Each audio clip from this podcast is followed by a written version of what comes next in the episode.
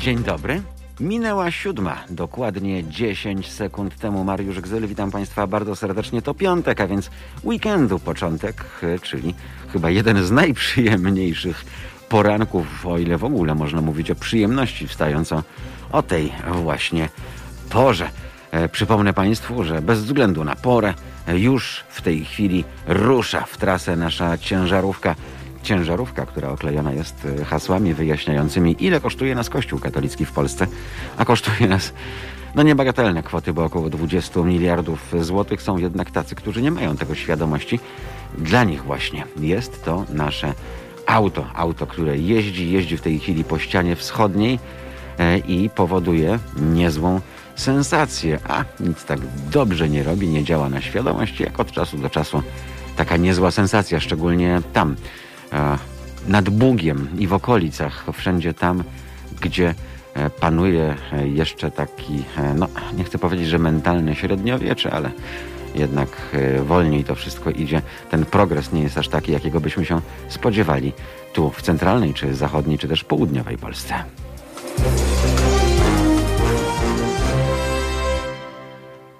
A gdyby Państwo chcieli, mieli taką ochotę, zwrócili uwagę, jeszcze dodatkowo wyciągnęli smartfon i zrobili zdjęcie, to będziemy Państwu bardzo, bardzo, bardzo zobowiązani, bo powiększa się nasza kolekcja tych fotografii.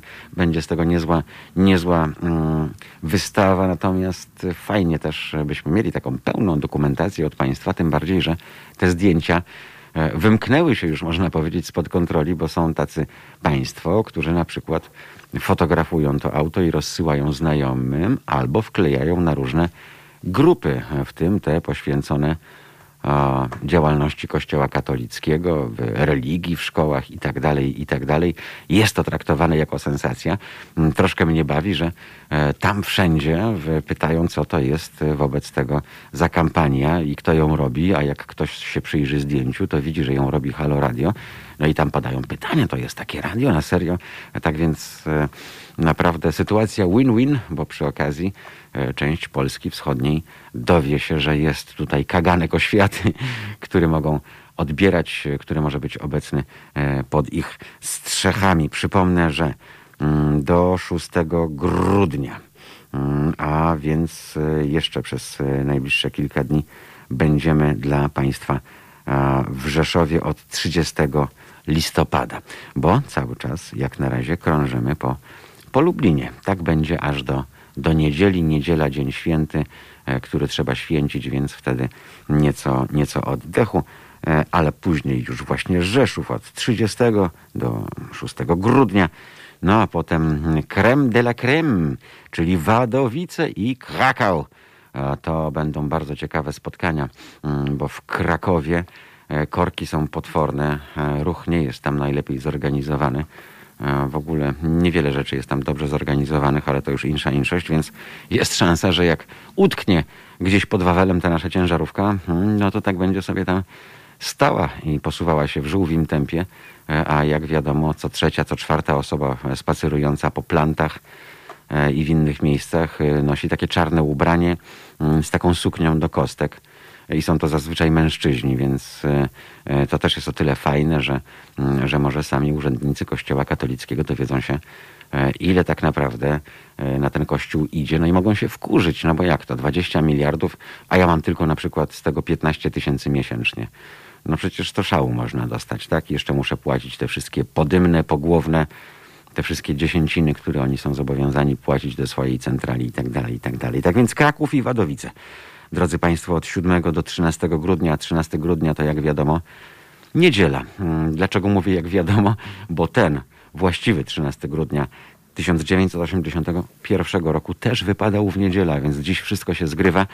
E, tyle, że dziś mm, raczej e, tej władzy mm, mimo wszystko nie można, nie można porównywać, e, bo o ile ekipa generała Jaruzelskiego to byli zawodowcy, mm, zawodowcy, którzy potrafili zorganizować, jakbyśmy na to nie patrzyli, drodzy Państwo, najdoskonalszy zamach stanu w historii.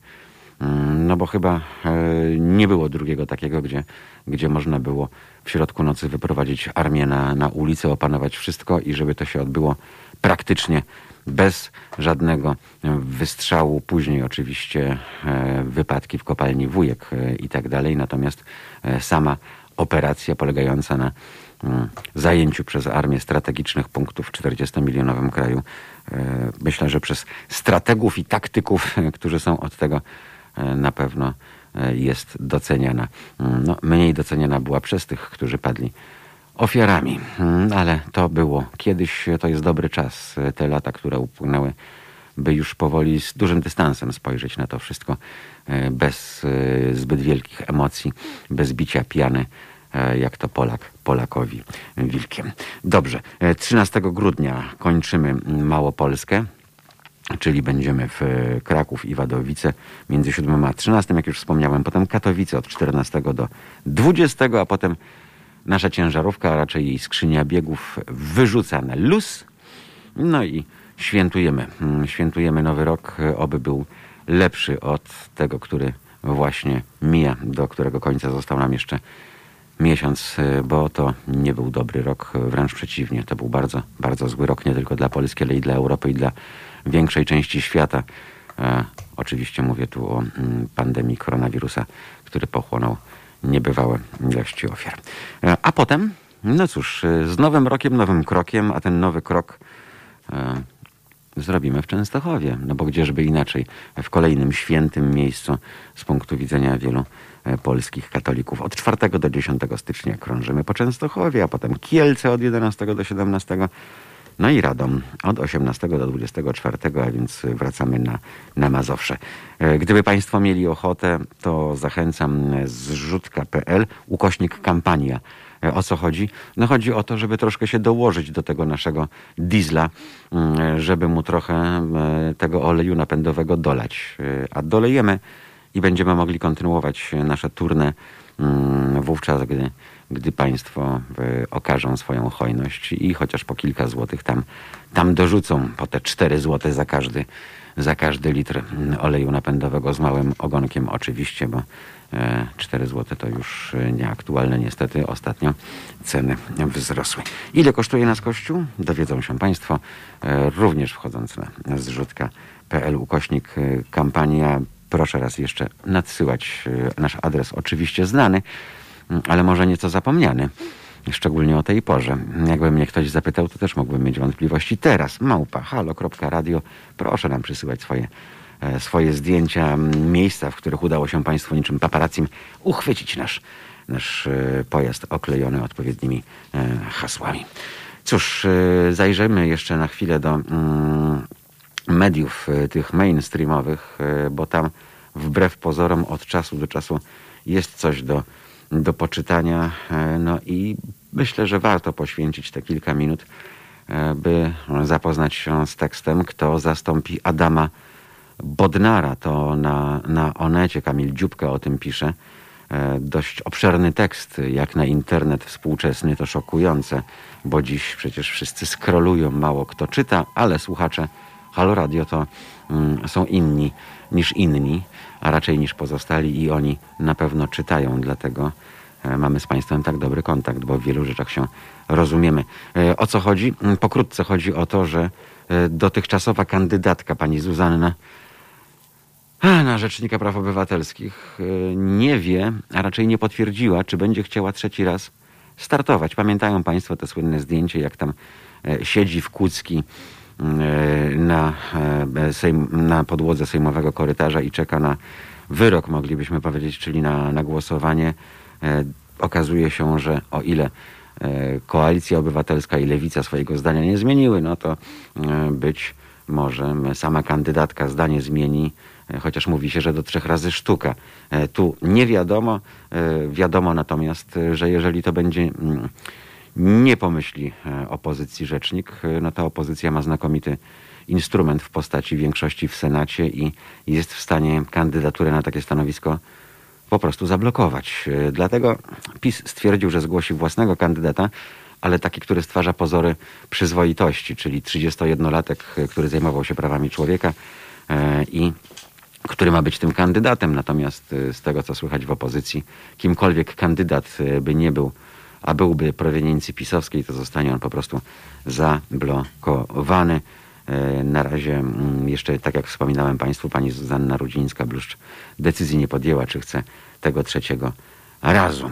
Z kolei oprócz nazwiska nowego kandydata, czyli tego Daniela Milewskiego, posła, E, wchodzi w grę jeszcze jeden, e, ten, który był jednym z inicjatorów zgłoszenia skargi do Trybunału Konstytucyjnego w sprawie ustawy aborcyjnej, więc tu myślę, że e, jeżeli PiS chciałby zgłosić taką kandydaturę, to musiałby się liczyć z tym, że demonstracje, które liczą po 100 tysięcy, teraz mogłyby liczyć po 300 tysięcy, bo ludzie zostaliby doprowadzeni już do białej gorączki. Pan Milewski z kolei ma 31 lat. No i e, jest, e, pracuje w Komisji e, Sprawiedliwości i Praw Człowieka Ustawodawczej, a także w Komisji do Spraw Unii Europejskiej. Nie wiemy, nie znamy, nie oceniamy. Pracował w Komisji Równości i Niedyskryminacji. Na papierze wszystko wygląda ok, tylko sami Państwo wiedzą, jak to jest z tym na papierze. Tam papier jest cierpliwy i wiele wiele przyjmie. E, z kolei jak wejdą Państwo sobie na wirtualną Polskę, bardzo ciekawy tekst, e, mm, też warto wyciągnąć wnioski. E, chodzi o Elona Muska i jego fabrykę Tesli. Jak wiadomo, mm, Musk odnosi sukces za sukcesem. Jest chyba drugim najbogatszym człowiekiem świata w tej chwili ze względu na mm, to, ile warte są akcje Tesli. Natomiast no, zrobił rzecz niebywałą, czyli wszedł na terytorium największego giganta motoryzacji, czyli Niemiec. E, najpierw, z tego co pamiętam, były głosy, żeby w ogóle taki psztyczek w nos e, sprzedać niemieckim koncernom i ulokować swoją fabrykę w Bawarii. No to by było jak naplucie w twarz papieżowi, prawda? E, w związku z czym teraz jest w tym obwarzanku berlińskim, a więc całkiem niedaleko granicy polskiej. Tyle, że odkąd tylko ta inwestycja ruszyła, czyli została wbita pierwsza łopata, nie ustają protesty. Co ciekawe, te protesty są niby ekologów. Mówię niby, e, no bo nie jest niczym dziwnym, e, że koncerny motoryzacyjne lobobują e, niemieckie i BMW, i Volkswagen, i Mercedes, ponieważ one wszystkie są daleko w tyle, jeśli chodzi o elektromobilność i niektóre rozwiązania dopiero muszą dopracować. Poza tym Volkswagen wypuścił teraz serię swoich elektryków, więc nie fajnie by było, gdyby jakaś Tesla mu się tam pod nogami plątała. Protesty mm, nie e, milkną, e, budowa nie idzie zgodnie z planem, aby to nie było analogicznie jak z tym berlińskim lotniskiem. Musk planuje tam nawet pół miliona aut rocznie produkować, na czym i polska gospodarka by skorzystała ze względu właśnie na, na bliskość e, granicy. Oficjalnie ekologia, nieoficjalnie lobby motoryzacyjne, gdzie ten amerykański producent nie jest po prostu mile widziany, tym bardziej, że w tej chwili w Niemczech dopłaty do samochodów e, nowych ruszają, szczególnie do elektryków, e, są bardzo potężne, pod warunkiem, że państwo się zmieszczą w limicie. No i tak to jest skonstruowane, że pod warunkiem, że państwo wybiorą niemieckiego producenta, mm, czyli tą serię ID Volkswagenów, która teraz się pojawia. Cóż, e, sporo ciekawych e, e, spraw, jeśli chodzi o, o gospodarkę, tym bardziej, że gospodarka ta europejska, ta światowa i ta polska mm, no, idzie chwiejnym krokiem, wiadomo, wiadomo dlaczego. Najbardziej ubawiło mnie to, że premier mm, Morawiecki podczas swojego sejmowego przemówienia stwierdził, że jeszcze nigdy nie było tak dobrze. Rozumieją Państwo. Środek pandemii, praca zdalna, lockdowny i to wszystko, co jest z tym związane. Premier na spokojnie z mównicy sejmowej. E, jeszcze nigdy nie byliśmy w tak dobrym miejscu w historii, jeśli chodzi o gospodarkę. Cała Europa, cały świat nam, nam zazdrości. Dziwią się Państwo, że facet był prezesem jednego z większych banków e, w tym kraju. No, trzeba umieć umiejętnie odwracać kota ogonem i umiejętnie kręcić, e, no, żeby pracować w sektorze bankowym. Jak się okazuje, nie są to wystarczające kompetencje do tego, by sprawować urząd premiera. Wracamy do Państwa za chwil kilka.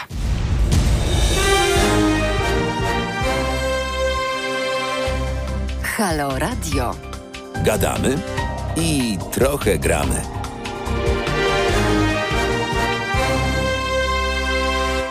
Ale jak już gadamy, to prawie tak jak tata, który zrobi, jak zrobi dziubek, to nie ma wiadomo czego e, we wsi. U nas też e, nie będzie wiadomo czego we wsi, e, bo my tę wieś wyganiamy staramy się nieść kaganek oświaty, otwierać oczy i tłumaczyć zjawiska, o których y, większość może nie tyle, że nie wie, e, co spuszcza zasłonę milczenia, macha ręką albo stwierdza, by ja się i tak na tym nie znam. No to my pomagamy Państwu na tym się znać, e, ponieważ e, zapraszamy bardzo szczególnych gości. Tak będzie też dzisiaj mało, mało, bardzo mało publikacji, bardzo mało materiałów, bardzo mało relacji. Tymczasem od 1 stycznia. Ja wiem, że to jest taka, mm, taki stały gwóźdź programu, że zawsze coś od 1 stycznia drożeje, prawda? E, ale drożenie to jedno. Tymczasem e, od 1 stycznia e, czy też od nowego roku no, będą wyższe podatki, tak po prostu, różne podatki, albo będą też do tego wprowadzone nowe daniny. Fiskus bowiem musi w jakiś sposób ściągać z nas to, za pomocą czego potem no, utrzymuje E, że tak powiem, e, niektóre dziedziny życia, życia w tym kraju. Tak więc e, bardzo interesujący temat i tak spróbujemy punkt po punkcie, żeby Państwo mieli świadomość, za co będzie drożej i dlaczego będzie drożej porozmawiać. Natomiast teraz porozmawiamy z Mateuszem, z Mateuszem, który jest organizatorem technorajwów w całym kraju. Taki technorajw będzie dzisiaj pod Sejmem, taki technorajw będzie w sobotę, czyli pojutrze pod Pałacem Kultury i Nauki, bowiem to w sobotę ma być e, duża impreza i chyba jeden znowu z większych protestów, jeden z większych dlatego, że to będzie e, skoordynowana akcja, która będzie przebiegała we wszystkich niemal polskich miastach, więc e, znowu zapowiada się fajna impreza na masową skalę. Pogoda na razie nas, no może nie tyle, że rozpieszcza, co pozwala spokojnie wychodzić na popołudniowe i wieczorne spacery, spacery w słusznej sprawie. Mateuszu, słyszymy się. Dzień dobry. E, dzień dobry, dzień dobry. Słyszymy się. Tak, tak. Oczy otwarte, umysł też. Y, już rozumiem, że możemy rozmawiać. Wszystko pod kontrolą.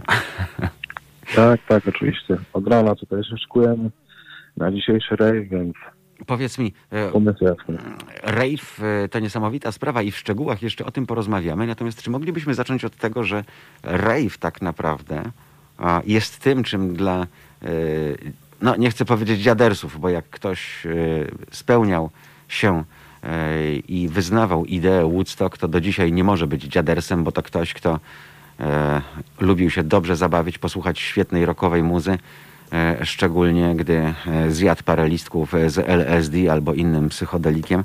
E, ci ludzie, którzy brali udział w masowych protestach Europy 68, Stanów Zjednoczonych po zabójstwie Martina Luthera Kinga i tak dalej, i tak dalej, to wszystko brało się skądś, ale temu wszystkiemu, a raczej gromadzeniu ludzi, przekazywaniu myśli i rodzeniu się czegoś wielkiego, właśnie towarzyszyła muzyka. Muzyka na skalę naprawdę światową.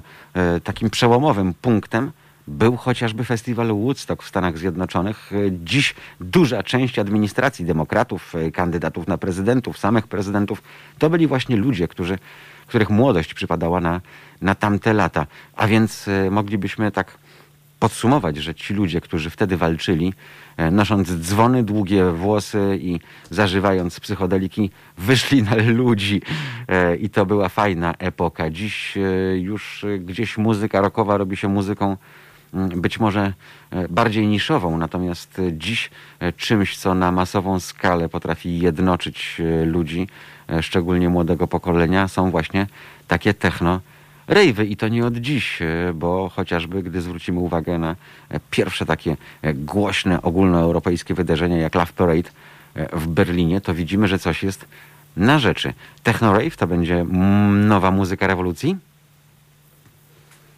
Myślę, że tak. Myślę, że muzyka elektroniczna na dzisiejsze czasy e, rankingu muzyki. Techno też powoli wspina się w, rankingu po prostu fani muzyki. Myślę, że e, właśnie ta muzyka zjednoczy e, nas wszystkich, e, czy to w dniu dzisiejszym, czy przy kolejnych protestach.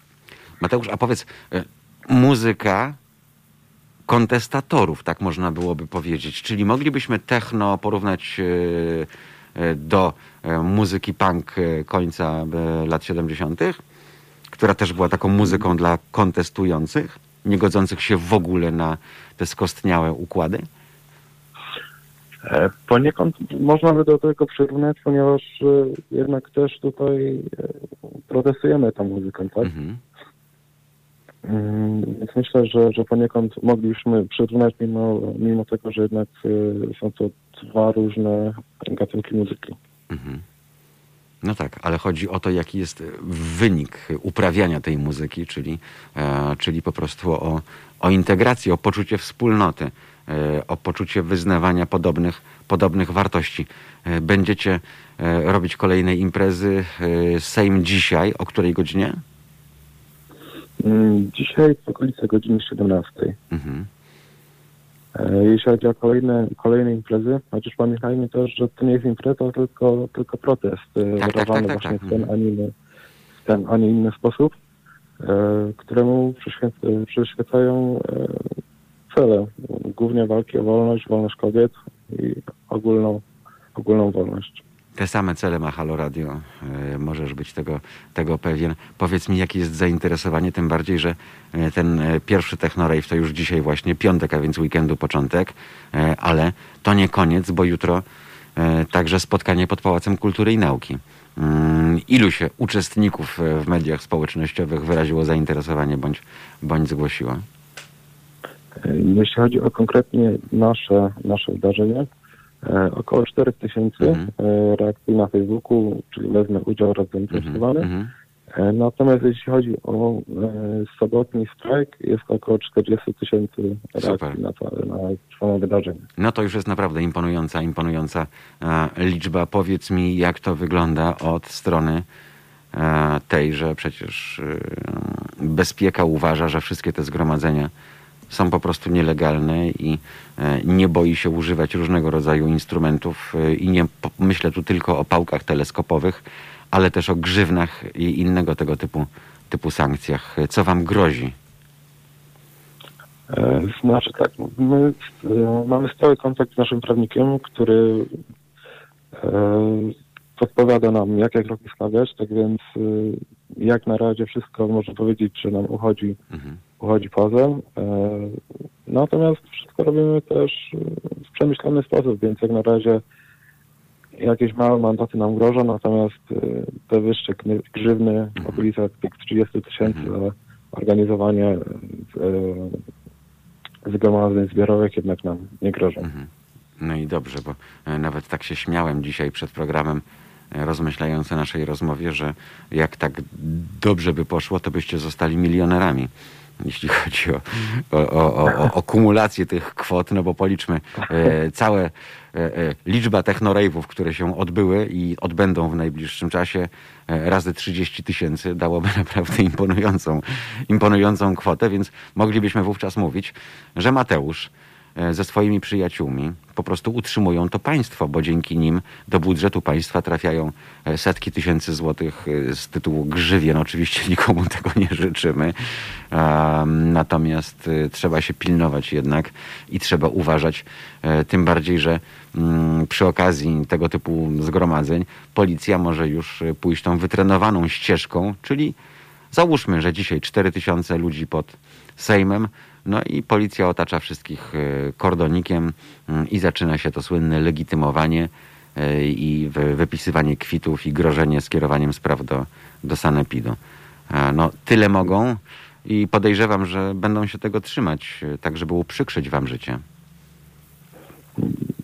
Też tak uważam, z tym, że pamiętajmy, że w naszym kraju nie ma czegoś takiego jak budżet państwa. To wiemy, natomiast y, zastanawia mnie tylko, tylko jedno. Um, jak e, zamierzacie zachęcać ludzi do tego, żeby brali udział? No bo e, powiedzmy sobie szczerze, część z nich po ostatnich wydarzeniach e, stwierdzi, że tym bardziej pójdę, prawda? E, Im bardziej będą nas gnębić, tym bardziej ja będę manifestował to, że gnębić się nie dam.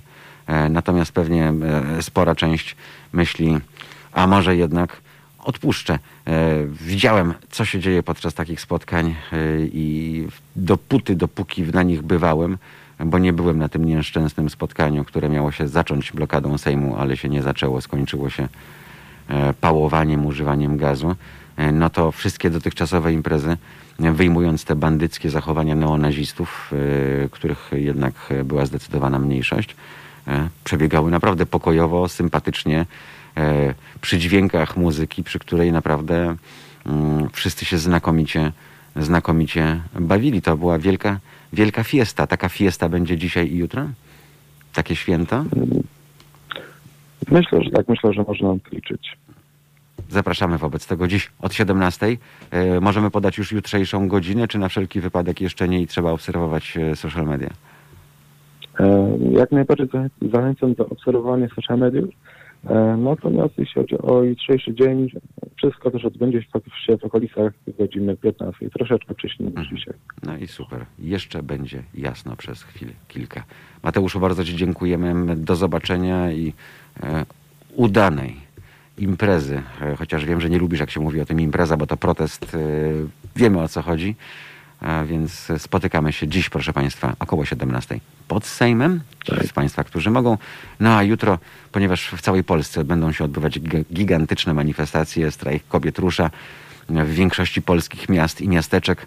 E, Warszawa ze względu na liczebność aglomeracji, tu będzie na pewno największa liczba manifestujących, spacerujących, więc e, taka kulminacja pod Pałacem Kultury i Nauki, a tam właśnie Technorave przygotowany przez Mateusza, który był Państwa i naszym gościem. Dziękuję Ci, wszystkiego dobrego. Dziękuję, do usłyszenia.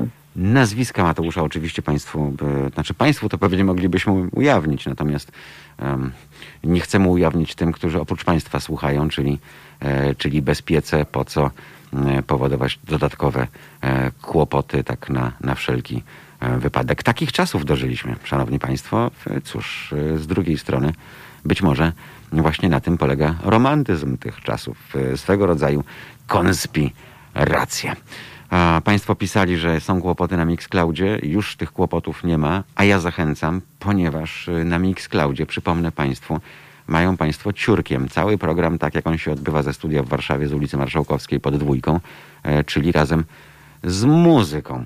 Mm, A co to za radio bez y, muzyki, szczególnie tej wysokiej jakości, czyli takiej, jaką prezentujemy na antenie Halo Radia. Tak więc y, gdyby Państwo chcieli e, nie irytować się, e, gdy jest, są 4 minuty czy 5 minut ciszy, ponieważ e, gramy, a jak wiadomo przepisy Facebooka, YouTube'a nie pozwalają mimo opłacania przez nas praw autorskich na e, emisję tych pieśni, to zapraszamy wszystkich Państwa na Mixcloud, e, czyli e, mixcloud.com, tak? Dobrze pamiętam? Pewnie dobrze pamiętam. Ukośnik live, znowu ukośnik i tu, halo radio, tu, halo radio, jak tu, tu, w słuchawce albo jak tu, 154 M, pisane razem, tu halo radio.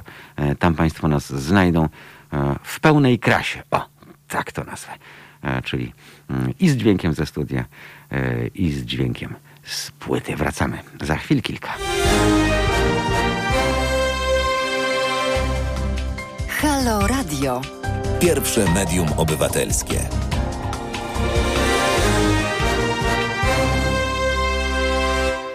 A w pierwszym medium obywatelskim wisi zegar na ścianie, a na nim za 21 minut godzina 8, piątek, weekendu, początek.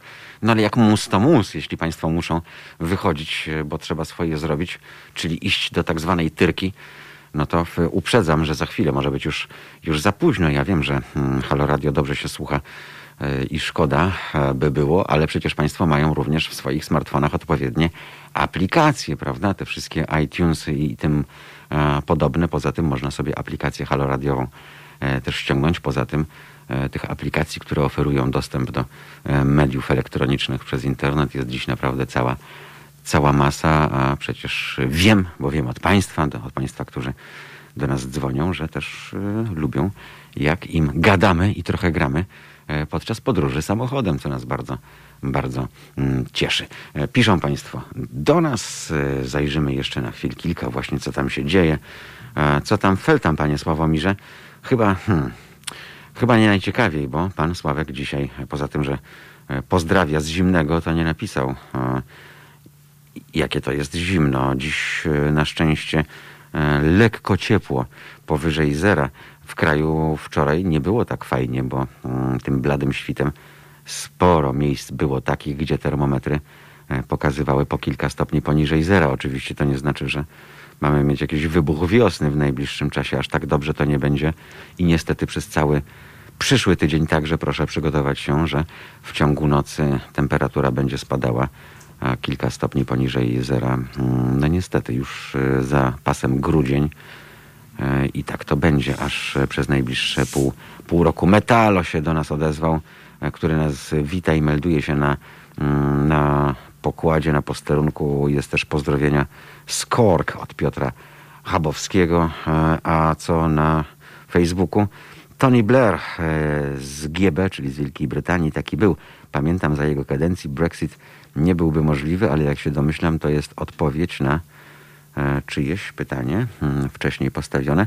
E, Ach, e, jest Mariusz z nami, e, który proponuje, tak mm, nawiązując jeszcze do, do mm, problemów z wyborem Rzecznika Praw Obywatelskich. Państwo pamiętają, że to już prawie trzy miesiące, że Adam Bodnar jest y, PO e, od dwóch i pół miesiąca, tak, tak dokładnie. Mm, No i e, cały czas ten problem się, się powtarza z, z powołaniem na tę funkcję. No cóż, e, tak używając analogii, to tak naprawdę przecież y, y, Rzecznik Praw Obywatelskich, Trybunał Konstytucyjny, to były wszystko dzieci spłodzone w stanie wojennym. Tak, proszę Państwa, bo RPO to jeszcze końcówka, ale jednak PRL-u, bodaj rok 87 i pierwsza, ale za to jaka? E, Kandydatka i pani rzecznik, pani profesor Ewa Łętowska, e, wybitny prawnik e, i mm, jeszcze wybitniejszy autorytet. Życzylibyśmy sobie, aby tylko tej klasy ludzie sprawowali ten urząd. No a Trybunał Konstytucyjny także pochodzi z tamtej słusznie dla niektórych minionej, minionej epoki. Więc biorąc pod uwagę, że tak nam się wszystko zgadza, szczególnie w kalendarzu, że i 13 grudnia nawet w niedzielę, no to może e, dojdzie do jakiegoś przełomu. Ja nie wiem. A tylko czego by musiało nie być? E, Bo wtedy nie było teleranka, mm, ale msze już były. Bo to było na zasadzie porozumień sierpniowych. E, Solidarność tak walczyła o socjalizm, że ten socjalizm chciała mm, socjalistyczny również dostęp do transmisji mszy w radiu wywalczyć. Wywalczyła, jak wiadomo, komuna niestety miała jakieś swoje kompleksy, w związku z tym szła mm, na rękę czarnym urzędnikom, co się źle skończyło. Tak się skończyło, jak Państwo widzą na ścianie, u nas 20 miliardów rocznie. Tak więc y, zobaczymy, co się będzie dalej, dalej działo. E, Natomiast y, chciałbym Państwa zachęcić do otwarcia uszu szerzej po godzinie ósmej, bo porozmawiamy sobie e, z szefem jednej z stacji sanitarno-epidemiologicznych, y, tej z Wrocławia, e, pan doktor nauk medycznych Jacek Klokaczar będzie naszym, naszym gościem, e, dyrektor Wojewódzkiej Stacji Sanitarno-Epidemiologicznej we Wrocławiu, bo tak wszyscy opowiadają o tych wyciągach, szanowni państwo. Jest histeria związana z jednej strony z tym, że e, rodzice mm, nie zgadzają się na to, bo też chcieliby mieć chwilę oddechu, żeby dzieci spędzały ferie w domach. E, Ewentualnie chcieliby z tymi dziećmi gdzieś pojechać, ale jak wiadomo, nie bardzo jest jak pojechać, bo nawet jeżeli mm, była ta fejkowa akcja Gowina polegająca na zamknięciu, otwarciach wyciągów narciarskich z y, dużym wskazaniem na pana Guta Mostowego, no to co z tego, że nawet jeżeli to będzie otwarte i nawet jeżeli rodzice z dziećmi stwierdzą, dobra, to pojeździmy sobie na nartach, chociaż to niesie ze sobą wiele zagrożeń pod tytułem zniszczone kolana i pozrywane więzadła, e, no to y, gdzie mają nocować? Pod namiotem? Na łące? E, Zbudują sobie iglo, ponieważ, jak Państwo wiedzą, jest wciąż zakaz, zakaz e, przyjmowania do hoteli, e, w ogóle do mm, wszystkich miejsc noclegowych e, osób, które nie podróżują służbowo i nawet jest taka bardzo konkretna wykładnia, kim jest osoba podróżująca służbowo. E, Ale my tu nie o tym. E, Chodzi mi bardziej o to, że jak wiadomo, Polska to jest taki dziwny kraj, mm, gdzie lubi się omijać przepisy, e, albo gdzie jak jest przepis, to z gruntu ktoś pomyśli, przepis jest po to, żeby sobie był na papierze, a ja i tak wszystko zrobię po swojemu.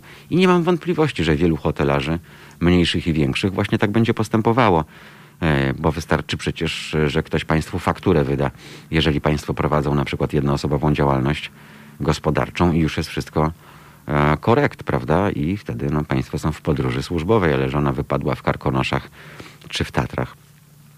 Każdemu może się zdarzyć, e, więc e, będą tacy, którzy sobie poradzą, tak jak są tacy, którzy już sobie poradzili, czyli e, pobrali wszystkie dotacje na każdego pracownika, mm, po czym, mm, ponieważ i tak za bardzo nie ma ruchu w tych hotelach i nie opłaca im się tych pracowników trzymać, to dotacje na pracowników owszem biorą, ale za to są tak dobrego serca panami, że znajdują pracę tym pracownikom w innych miejscach na umowy o dzieła czy umowę zlecenie, no bo układ jest taki, że biorę dotacje, ale w zamian za to nie mogę tego pracownika zwolnić, jeżeli wykonuje mm, swoją pracę na podstawie umowy o, o pracę, jeżeli to jest stosunek y, pracy. Więc to jest Polska, nie zapominajmy. Mm, Więc tutaj e, najpierw myśli się o tym, jak zakombinować y, i pojechać objazdem, mm, a dopiero potem o tym, czym to może grozić. A może to grozić, proszę Państwa, powtórką z Austrii. Pamiętają Państwo, to było prawie rok temu bo to było w styczniu, e, pod koniec stycznia, początek lutego, e, jak był pierwszy lockdown we Włoszech, który pan premier ogłosił, mm, zakaz wychodzenia do pracy, no to Włosi, jak to Włosi, pomyśleli, przecież nie będziemy siedzieć na tyłkach mm, przez ten czas, skorzystajmy z okazji, jedziemy do Austrii na narty. No i pojechali, tyle że e, tam w tym kurorcie w jednym z hoteli i to takich, e, który przyciągał znaczną liczbę klientów, e, jeśli chodzi o gastronomię, jeśli chodzi o noclegownię. No i tam się zaczęło, prawda, od pewnego pana barmana mm, i potem poszło i ci Włosi potem wrócili do siebie. E, Duża część z nich była z Bergamo. No i co się działo w Bergamo, państwo już doskonale wiedzą. Czy czeka nas wobec tego powtórka z historii? E, Bo e, być może należałoby te ferie jednak rozbić i nie organizować ich w jednym terminie, e, żeby ci, którzy i tak pojadą i będą olewać przepisy i obostrzenia, e, nie spotkali się mm, w zbyt wielkiej liczbie w jednym miejscu, bo, bo to się może skończyć tragedią i rozciągnięciem nie tylko lockdownu, ale i skali zakażeń. O tym wszystkim będę chciał porozmawiać z ekspertem, a jest nim e, szef Wojewódzkiej Stacji Sanitarno-Epidemiologicznej we Wrocławiu. To mniej więcej o, o 8.10. A teraz, a teraz sobie zagramy i to jak zagramy wracamy za chwilę kilka.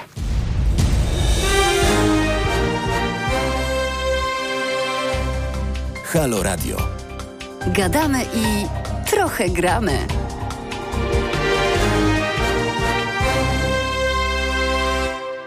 No i oczywiście temat meldowania się w hotelu e, nie przeszedł bez echa. Pan Bartosz pisze, że zwykłe ustne oświadczenie było potrzebne, żeby się przekimać w jednym hotelu na Pomorzu. E, Tak, e, natomiast jeżeli ktoś chciałby grzebnąć głębiej i się do nas doczepić, to może to zrobić. E, Ponieważ oświadczenie to jedno, e, natomiast przepisy jasno wskazują, kto jest pracownikiem delegowanym.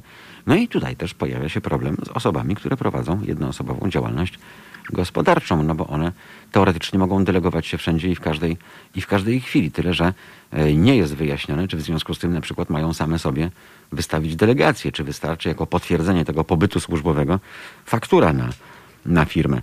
E, Jest więc e, wiele niejasności i jak zwykle wiele możliwości, które pozwalają na typowo krajową, polską, nadwiślańską kombinatorykę. No i jak zwykle zresztą w takim, w takim przypadku. Ja tak się zastanawiam nad jednym, bo e, Państwo też piszą o, o przepisach dotyczących Wigilii. No więc e, tak naprawdę, gdyby ktoś się uparł, no to może zrobić jedno, może po prostu e, tych, którzy zamierzają w większej liczbie zasiąść tymczasowo e, w swoim urzędzie gminy zameldować. No i wtedy jak ktoś jest zameldowany, e, bo to też jest fajne, jak ktoś ma na przykład e, taką klasyczną m, rodzinę, jaką Państwo obserwowali e, na Monty Pythonie, czyli e, taka, no to była irlandzka katolicka rodzina, prawda? Ale jak jest taka polska katolicka rodzina, e, czyli nie stosująca antykoncepcji, to oznacza, że na przykład ma ośmioro dzieci, no i jest tata i mama, to już jest dziesięć osób. Ale one mogą być razem, no bo są tam zameldowane i razem mieszkają. Natomiast w każdym innym przypadku, gdy ludzie są singlami, no to ta piątka jest limitem. The five is the limit. Kiedyś było sky is the limit. Mm, Więc e, też jest to wszystko troszkę śmiechu warte. Ja myślę, że przede wszystkim to my powinniśmy zachować rozsądek, bo wiadomo, że to jest kilka dni wolnego, to jest długi weekend e, i chcemy się poodwiedzać i tak dalej. Mm, Najważniejsze jednak, drodzy Państwo, jest to, że o ile dzieci przechodzą bezobjawowo e, i możemy nawet o tym nie wiedzieć, no to możemy dzieci zaprowadzić na przykład do długo niewidzianych dziadków, a niech się w święta spotkają i to się może dla tych dziadków skończyć fatalnie. O to tylko chodzi o zdrowy rozsądek, o eliminację mm, ryzyka zakażenia, e, a w efekcie e, ciężkich powikłań i, i zgonu. O to tylko chodzi. E, Chodzi o to, żeby nie myśleć w ten sposób, jak Państwo myślą na przykład o bezpieczeństwie ruchu drogowego w lwiej części, czyli wypadki mają inni, prawda? Mm, Ale nie ja, bo ja przecież nie planuję tego, że będę miał dzisiaj wypadek i tak dalej, i tak dalej.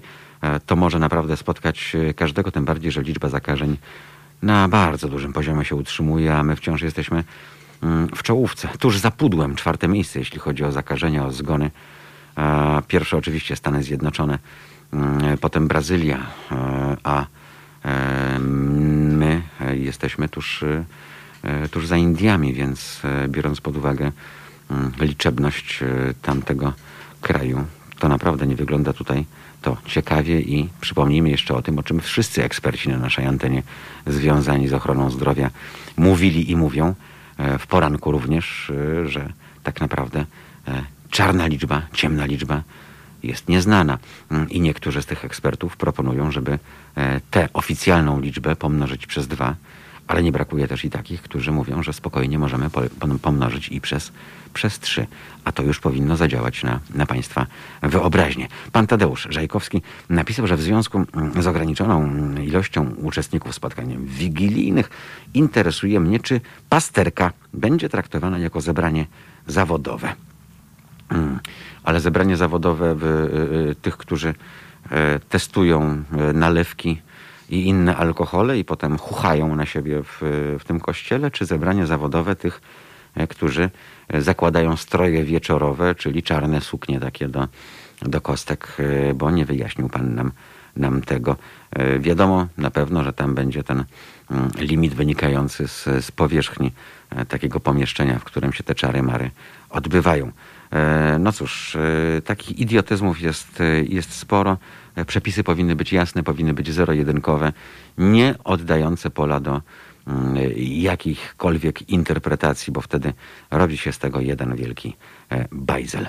No ale e, bajzel i Polska, e, takie słowa blisko znaczne, bo jak już wielokrotnie Państwu powtarzałem dziwnym trafem, mieszkamy w kraju, w którym tam gdzie kończy się logika, to zaczyna się właśnie ta nasza przaśna Polska.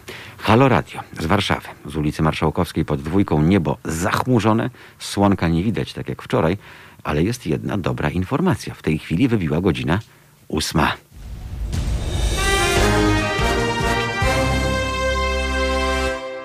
Przeglądamy sobie media, e, no i tak się zastanawiam, kurczę. Jak się tak dobrze spojrzy i wcale nie trzeba schodzić z tak zwanych jedynek, no to jest to jedna wielka kronika kryminalna, w ten czy inny sposób ocierająca się o działalność e, jedynie słusznej instytucji, czyli tej instytucji, która kosztuje 20 miliardów złotych rocznie. No cóż, e, takich czasów dożyliśmy i może dobrze. Może dobrze, że pewne tabu upadło również e, w mainstreamowych mediach i przez te 30 lat taka kropelka w postaci tych czy innych osób, tych czy innych mediów, tu mrugnięcie okiem spowodowała, że, e, że powoli, powoli w tej tamie robi się coraz większy otwór, e, który być może już przestanie być otworem, a zrobi się wielką dziurą. No i to wszystko popłynie. Popłynie tam, gdzie popłynąć e, powinno. Tymczasem, żeby te oczy się nie przymykały i żeby resztki tych łusek z oczu poopadały, wymyśliliśmy taką kampanię. Kampanię, która ma uświadamiać e, wszystkich, ile kosztuje nas, nas Kościół. W tym celu e, zorganizowaliśmy ciężarówkę. Ta ciężarówka ma nagłośnienie, e, ma odpowiednie hasła na swojej budzie napisane i tę ciężarówkę mogą Państwo obserwować, jak krąży po polskich miastach. Zaczęliśmy od ściany wschodniej, od Białego Stoku, potem była Biała Podlaska, teraz e, Lublin, bo tam mm, będziemy z Państwem, e, a już e, od e, 30 listopada aż do 6 grudnia e, nasze auto pojedzie niżej też na ścianie wschodniej, e, dotrze do, do Rzeszowa. To jest e, to niezwykłe miasto, gdzie jest ten potężny, wielki, gigantyczny e, pomnik, e, pomnik waginy i e, to nas cieszy, że jeszcze żadna ręka na ten pomnik, żaden wiatr historii tego pomnika nie usiłuje zdmuchnąć. Nie wiemy dlaczego w zasadzie tak się dzieje, ale z drugiej strony z czym byśmy Rzeszów kojarzyli. To tak jakby w Paryżu rozebrano i oddano na złom mm, wieżę Eiffla.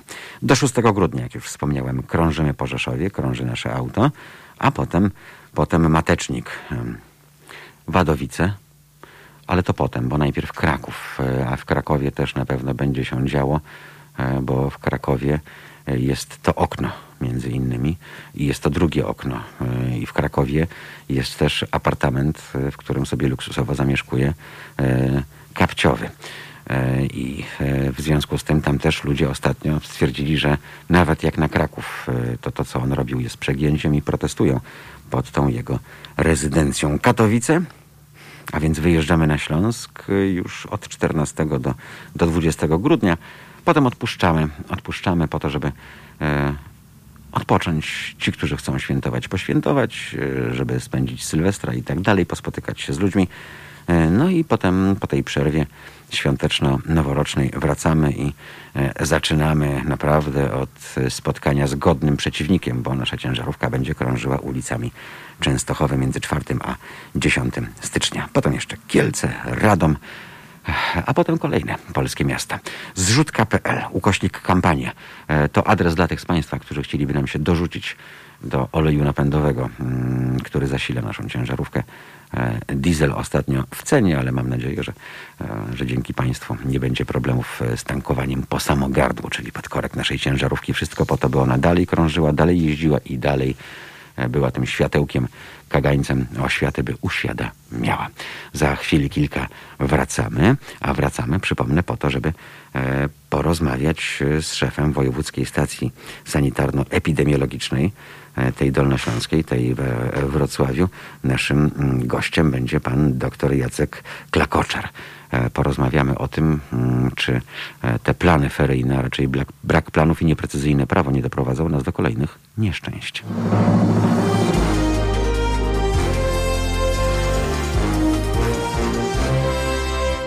Getting better all the time. Wszyscy byśmy, szanowni państwo, sobie tego życzyli, żeby było coraz, coraz lepiej. Mm, Przez cały czas e, niestety rzeczywistość aż tak różowo nie wygląda zgodnie z zapowiedzią. Przy telefonie jest już e, dyrektor Wojewódzkiej Stacji Sanitarno-Epidemiologicznej we Wrocławiu, pan doktor Jacek Klakoczar. Bardzo serdecznie dobry. witam. Dzień dobry, panie doktorze. Trwa dyskusja związana z tym, mm, czy ferie powinny być e, jednak e, nie rozbite na kilka terminów, tak jak to drzewiej bywało, czy też to, że będą odbywały się w jednym czasie, nie będzie powodowało zbyt wielkiego zagrożenia, bo przepisy przepisami, panie doktorze, ale jednak możemy spodziewać się tego, że ludzie będą no, nagminnie nawet te przepisy omijać i będą chcieli wyjeżdżać. Mm, Nasuwa się tutaj taka analogia e, z tym, co działo się w Austrii e, nieco ponad rok temu, mm, gdy bardzo duża grupa Włochów uległa zakażeniu w jednym z ośrodków narciarskich. Potem ci ludzie wrócili do Bergamo między innymi i potem pamiętamy, co się działo, jak straszliwe obrazy do nas stamtąd docierały. Jest jakiś złoty środek, e, żeby rodzice i dzieci byli zadowoleni i żeby zminimalizować jednakowoż ryzyko rozprzestrzeniania się pandemii? No tak, po pierwsze, rok temu o koronawirusie wiedzieliśmy znacznie mniej, stąd też te zachowania w Austrii, we Włoszech rok temu no, miały, tak sądzę, zupełnie inne Mhm. e, podłoże Czyli niż bardziej, teraz. bardziej Jednak, wynikały bo- z lekceważenia, tak? Albo z nieświadomości. wynikały z Mhm. niewiedzy, Mhm, z, lek, z lekceważenia, no bo rok temu tak naprawdę o tym wirusie wiedzieliśmy bardzo mało. No, teraz jak to zrobić, żeby, żeby te straty mm, zarówno biologiczne, umysłowe, społeczne były jak najmniejsze, no to tak każdy trochę musi szukać rozwiązań no, we własnej rodzinie. Te restrykcje i ten jeden termin, no właśnie, ma służyć temu, żeby jak najmniej osób wyjeżdżało, Mhm. żeby de facto utrudnić te wyjazdy, no bo mm, e, kontakty, e, podróże no, sprzyjają szerzeniu się wirusa. A tak do momentu, kiedy nie będzie tak naprawdę szczepionki, no to ten wirus no, będzie z nami żył, no, będzie powodował te zachorowania, no, których chcemy uniknąć, szczególnie w takim wymiarze e, masowym. No, w tej chwili mamy e, zakaz organizowania, wyjazdów dla dzieci e, i to jest jedno. No nie tylko Mhm, dla dzieci, no mhm. w ogóle, no przecież Tak, żeby tak. się w hotelu Mhm. przespać, no to trzeba być w podróży służbowej. Tak jest, o tym, o tym wielokrotnie i dziś również kilkukrotnie mówiliśmy na, na naszej antenie. E, Tyle, że jak pan doktor doskonale wie, no, Polak potrafi, w związku z czym interpretacja tej No podróży tak, tylko służbowej... że Polak potrafi, Mhm. to w tym momencie no, jest nasza taka trochę Mhm. wada. Ja wiem i o tym też mówiliśmy, panie doktorze. ale- Mhm.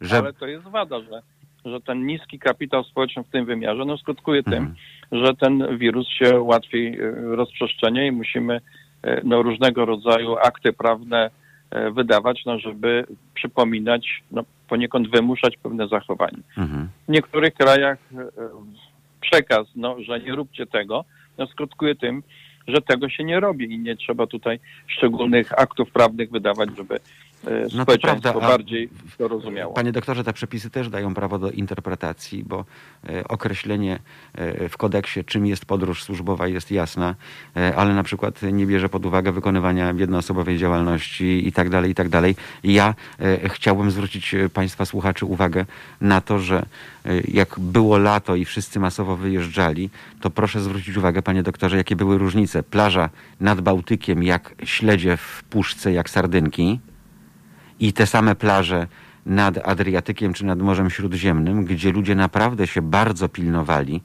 i był zachowywany bardzo duży odstęp pomiędzy plażowiczami, ten dystans społeczny, E, więc e, to mnie tylko zastanawia, że e, no, No niech sobie opowiadają, panie doktorze, a ja i tak swoje wiem, tak? No, No, ale to jest Mhm. no, coś, co, co myślę, że nawet i ten wirus mhm. pozostawi no, pewne dodatnie e, e, rozwiązania, no, Mhm. no, że nauczymy się Mhm. pewnych e, zachowań higienicznych. Mhm. No i, i każdy z nas sobie teraz odpowie, czy bardziej się w tej chwili, mając tą wiedzę, uważa, że właściwie zachowywali się ci, którzy trzymali ten dystans nad Morzem Śródziemnym czy nad oceanem, prawda, w zależności gdzie tam byśmy się znaleźli, czy bardziej, jak pan powiedział, śledzie nad Bałtykiem. No, Mhm. wydaje mi się, że tutaj odpowiedź jest jasna, że ten dystans jest potrzebny, bo sytuacja no, jest nadzwyczajna. Sytuacja w moim życiu się zdarzyła, mówię o takiej pandemii Mhm. po raz pierwszy. Mam nadzieję, że już się więcej taka sytuacja nie pojawi. No, chociaż Wrocław e, pamiętamy z historii swoją epidemię. No ale to już tak, ja Przeżył, już tak, tego tak. tak, nie, nie do końca... To czarno-białe przeżyłem, ale- zdjęcia ale i, i filmy, tak, więc e, taki fakt miał miejsce. Aha. Natomiast korzystając e, e, z pańskiej e, wiedzy, panie doktorze, chcielibyśmy się mm, dowiedzieć, e, na jakim etapie w tej chwili, e, bo też jest dużo doniesień i też jest bardzo wielki szum informacyjny i fejkowe wiadomości, e, jak to jest z tą szczepionką tak naprawdę, jakie są realne szanse, bo mówi się, że już, nie wiem, tuż po nowym roku, e, że jeden z koncernów e, już e, zakończył swoje prace. Jak to realnie wygląda? No tak, no realnie to nikt tego e, e, przynajmniej Mhm. na moim poziomie nie wie. No To właśnie. są doniesienia, że te Mhm, szczepionki mhm, e, są gotowe, że rusza ich masowa produkcja, że kilka firm e, się ściga, żeby jak największą ilość już w przyszłym Mhm. roku na rynek e, dopuścić. No, wydaje mi się, że te informacje, tym informacjom należy wierzyć, Mhm. że w pierwszych miesiącach przyszłego roku te szczepionki się pojawią. No i wtedy ten problem e, pandemii koronawirusa w jakiś istotny sposób się zmieni, zmniejszy i to zagrożenie już nie będzie tak wielkie. Także, właśnie, panie doktorze. Trwają przygotowania w niektórych krajach, e, trwają dyskusje, wiem, że w Niemczech Mhm. trwają dyskusje, jak te szczepienia należy e, e, przeprowadzać w sensie technicznym, no bo e, w sensie organizacyjnym, no bo technicznie no to wiadomo, prawda, to jest prosta Mhm. czynność.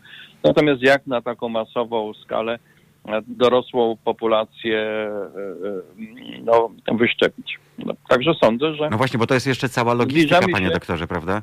E, Bo umówmy No, się, to nie jest tak, że mamy pewno. szczepionkę, jutro ona będzie dostarczana, a pojutrze problem zniknie No- jak ręką odjął. Tak to na pewno nie będzie No panie wyglądać. redaktorze, tutaj Mhm. skala czyni Mhm, dzieło. prawda? dokładnie, Tutaj mhm. no, nagle byśmy chcieli no najlepiej kilkadziesiąt milionów Polaków zaszczepić prawie że jednego dnia, co oczywiście jest niemożliwe. Także logistycznie na pewno to Mhm. będzie trudna sprawa. Wiem, że są jakieś już konsultacje z lekarzami rodzinnymi, no bo wydaje się, że najprościej było to, byłoby to przeprowadzić w oparciu o no, sieć gabinetów Mhm. lekarza pierwszego Tak kontaktu. No ale przed tym wezwaniem stoimy. No najpierw te szczepionki y, y, muszą się mm, pojawić. Wiem, że jedna z tych szczepionek wymaga przechowywania w bardzo niskiej temperaturze, to jest dodatkowy problem. Inne są bardziej technicznie e, e, łatwiejsze do, do obsłużenia. No na pewno należy cieszyć się, że e, ta, ten dystans czasowy do szczepionki w sposób istotny się skraca, no i za chwilę zapewne te szczepionki będą. Panie doktorze, e, No ale do momentu, Tak. kiedy ich nie ma, mhm. no to te podstawowe Dokładnie. trzy zasady, czyli dystans, dezynfekcja, maseczka, no powinny być Mhm. przestrzegane i powinniśmy nie szukać próby, jak ominąć, prawda, czy to jest tam wyjazd służbowy, Mhm. czy niesłużbowy, ja mam jednoosobową działalność, no bo to jest takie trochę, no, no niewłaściwe podejście. No. Bo w tej chwili, panie doktorze, to No, jest tak, tak, że zakładamy e, hotelarz tych, oczekuje, mhm, hotelarz oczekuje od nas oświadczenia, żeby mieć podkładkę. E, No oczywiście, no to jest taka, no... no I to jest oświadczenie na, na, na kartce, często to jest Tak. oświadczenie ustne, a z drugiej strony hotelarz mówi, e, bo sam to trenowałem na własnej skórze, nie będę ukrywał, e, że e, o co pan, ja mówię, jak udowodnię, że jestem w podróży służbowej, chociaż w niej byłem, tak? E, Proszę, to jest faktura. Faktura będzie świadczyła o tym wzięta na firmę, że pan odbywał podróż służbową i to jest wystarczające. E, I jak wiadomo, to też jest okazja do tego, no bo fakturę możemy zawsze sobie poprosić, prawda? E, I w razie czego mieć dowód, dzień dobry, ja tu jestem, e, ja tu jestem, ja tu jestem służbowo. Natomiast proszę nam wyjaśnić, które Mhm. grupy będą w pierwszej kolejności podlegały szczepieniu? Czy seniorzy, którzy są w grupie największego ryzyka śmierci, czy z kolei na przykład najmłodsi, którzy przechodzą bezobjawowo, ale mają na przykład styczność... No to z- nie zależy. Tutaj Mhm. jeszcze takich y, zasad spisanych, twardych nie ma. Mhm.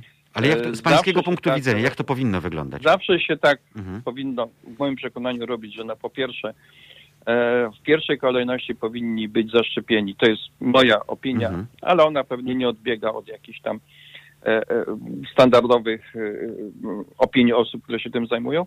No to te grupy, szczególnie zawodowe, które bezpośrednio biorą udział no, w tym przeciwdziałaniu, Mhm. to się tak nazywa, prawda, w walce, czyli ochrona zdrowia, pewnie e, służby mundurowe powinny być w pierwszej kolejności Mhm. jako grupy zawodowe, no następnie grupy szczególnego ryzyka, Mhm. no tak jak jest ze szczepieniem na grypę, prawda, no Mhm. też są zalecane w określonych grupach zawodowych, no i w określonych grupach ryzyka. No wiek w tym momencie jest no, tym istotnym czynnikiem ryzyka ciężkiego przebiegu i zgonu e, na powikłania koronawirusowe, Mhm. czy z powodu koronawirusa jako no już prawie, że takiego e, do przyczyny Mhm. e, zgonu per se, prawda, że ten koronawirus nie tylko wikła przebieg różnych poważnych chorób, no ale sam z siebie po, Mhm. potrafi doprowadzić do zgonu. Panie doktorze, i na koniec, bo ja słyszałem od y,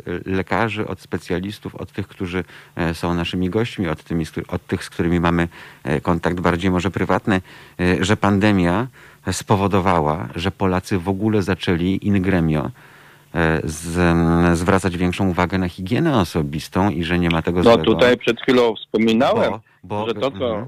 pozytywnie zostanie po wirusie, to jednak to, że nauczyliśmy się, że pewne zasady Mhm. no, powodują to, że nie tylko nie chorujemy na koronawirusa, ale te wspomniane Chorobę D- brudnych rąk, prawda? Na przykład. Mhm. to tak jest, no, choroba Mhm. brudnych rąk, no to i prawda, no, no, ręce są w ogóle Mhm. tym takim narzędziem, wektorem przenoszenia zdecydowanej większości chorób zakaźnych. Także no, brudne ręce, no to jest brudna choroba, Mhm. prawda? To są, no i tu również, prawda, to, że w tej chwili jest na przykład mniej zachorowań na grypę, no to również wynika Mhm. z, z tych zachowań opartych na ten No tak, że nie kropelkujemy po prostu publicznie. No mniej Mhm. kropelkujemy, no przecież Mhm. no sam widziałem, prawda, jak tam w tramwajach swego czasu ktoś rok czy dwa lata temu siarczyście Mhm. zakaszlał, Mhm. kichnął, no to w zasadzie no, no przy- przyjmowaliśmy Mhm. jako no, prawie że normalne Mhm. zachowanie, no Mhm. co, no. A teraz to już by tak łatwo i na szczęście nie było. No właśnie. E, Na szczęście, tak jak pan doktor powiedział. e, Ja pamiętam, że ja mam taki nawyk mycia rąk e, co kilkanaście minut nawet i znajomi czy, czy bliżsi zawsze się śmiali, czy ja mam jakieś natręctwo, a ja po prostu się źle czuję, jeżeli czuję, że mam ręce no, nieczyste, tak? Więc nie było to żadne natręctwo, tylko sam się z tym po prostu źle czułem. Pamiętamy z historii takie przypadki, gdzie na przykład e, przy zachowaniu higieny mm, e, okazywało się, że nawet śmiertelność w szpitalu e, zdecydowanie malała, a muszę e, powiedzieć panu doktorowi, że miałem e, telefon e, poza anteną, ale właśnie nawiązujący do, do tego, o czym mówimy, że jeden ze szpitali zaoszczędził na antybiotykach tak dużą kwotę, że zdecydowano się, że te pieniądze zostaną rozdysponowane pomiędzy personel medyczny, e, który jest na pierwszej linii frontu i, i walczy, i, e, i pielęgniarki, lekarze dostali tam minimalne, bo minimalne, ale jednak podwyżki za to, co robią, bo e, okazało się, że właśnie spadła bardzo, bardzo liczba innych e, chorób, innych zakażeń. No ależ oczywiście Mhm. z reguły proste zasady, proste narzędzia są najbardziej w wymiarze masowym Mhm. skuteczne. No i tak jak tutaj już prawie że uzgodniliśmy, że mycie rąk e, powoduje to, że zakażamy się rzadziej, no to jest no, Mhm. no coś, z czym nie można dyskutować. Natomiast nie wszyscy chcą to przyjąć do swojej praktyki, do, do, do swojego życia. Ale to jest trochę tak, i- panie i doktorze, jak, nawyk. jak z myciem zębów na przykład, tak? Kwestia pewnych nawyków i tego, czy chcemy wydać majątek potem na usługi stomatologiczne, czy jednak wolimy zadbać.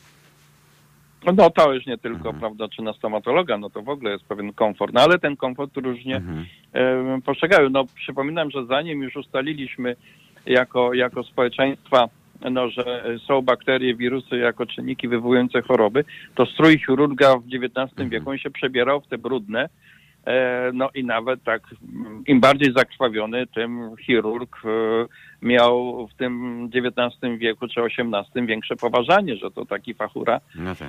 taki. No. To prawie No, tak, ale jak, to tak jak mechanik, panie doktorze, 200 lat. w, w ogrodniczkach usmarowanych olejem przepracowanym, tak, i, z poplamionymi rękami. No musi być dobrym mechanikiem, skoro tak głęboko się grzebie, tak, w tym wszystkim. No e, wtedy również tak uważano, że dobry chirurg, bo tak Mhm. głęboko tak, prawda, i się nie brzydzi.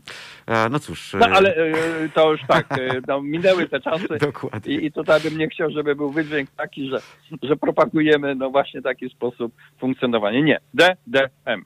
tak jest. Na ten moment to Tak jest najskuteczniejsza I tego się metoda. trzymajmy. I nie Mhm. próbować oszukiwać siebie i innych, no że właśnie tu sobie wezmę fakturę, tu tam, prawda, ja jestem na tyle inteligentny, mądry, szczwany, prawda, że te wszystkie przepisy ominę. To nie tędy droga.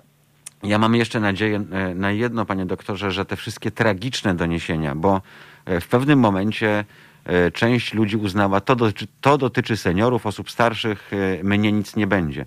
E, Ale nie zapominajmy, że wśród tych setek zgonów to są również e, nieszczęścia związane z tym, że zabrakło, nie wiem, 40-letniego ojca, dzieci, głowy rodziny i tak dalej, i tak dalej. Umierają ludzie w kwiecie wieku. To wcale nie jest tak, że jest to zagrożenie. Oczywiście tutaj mówimy o Mhm. grupach ryzyka, no, które statystycznie po tej 70 prawdopodobieństwo ciężkiego przebiegu mi tam Mhm, wzrasta kilkukrotnie, czy nawet kilkunastokrotnie. mhm. E, Młodzi chorują łagodnie, co nie znaczy, no, że są grupy, które e, do, mm, są zupełnie wolne od zagrożenia tym e, e, czynnikiem, tak samo jak i innymi Mhm. Dokładnie. czynnikami. No bo Mhm. tutaj, tutaj no nie tylko koronawirus, ale, ale groźne są i inne wirusy, wirus grypy, który, Mhm. o którym zapominamy, że, że Dokładnie. funkcjonuje i inne czynniki e, chorobotwórcze, które za pomocą wspomnianych już dzisiaj, ale nigdy Mhm. dobrego dosyć,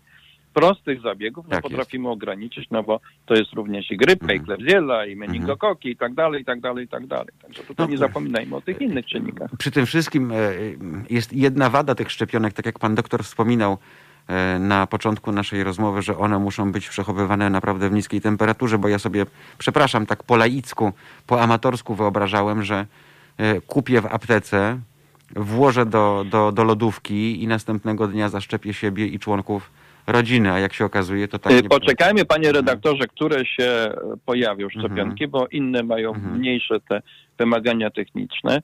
No na pewno tak. Która byłoby tam łatwiej, już pomijając 70. nawet tych lekarzy, prawda, pierwszego kontaktu. Bo, Ależ oczywiście. bo to jest tak jak z grypową, jaki- rozumiem. Tak wbijam ją sobie e, i, i, i ona jest automatyczna, można powiedzieć, z wbudowaną igłą.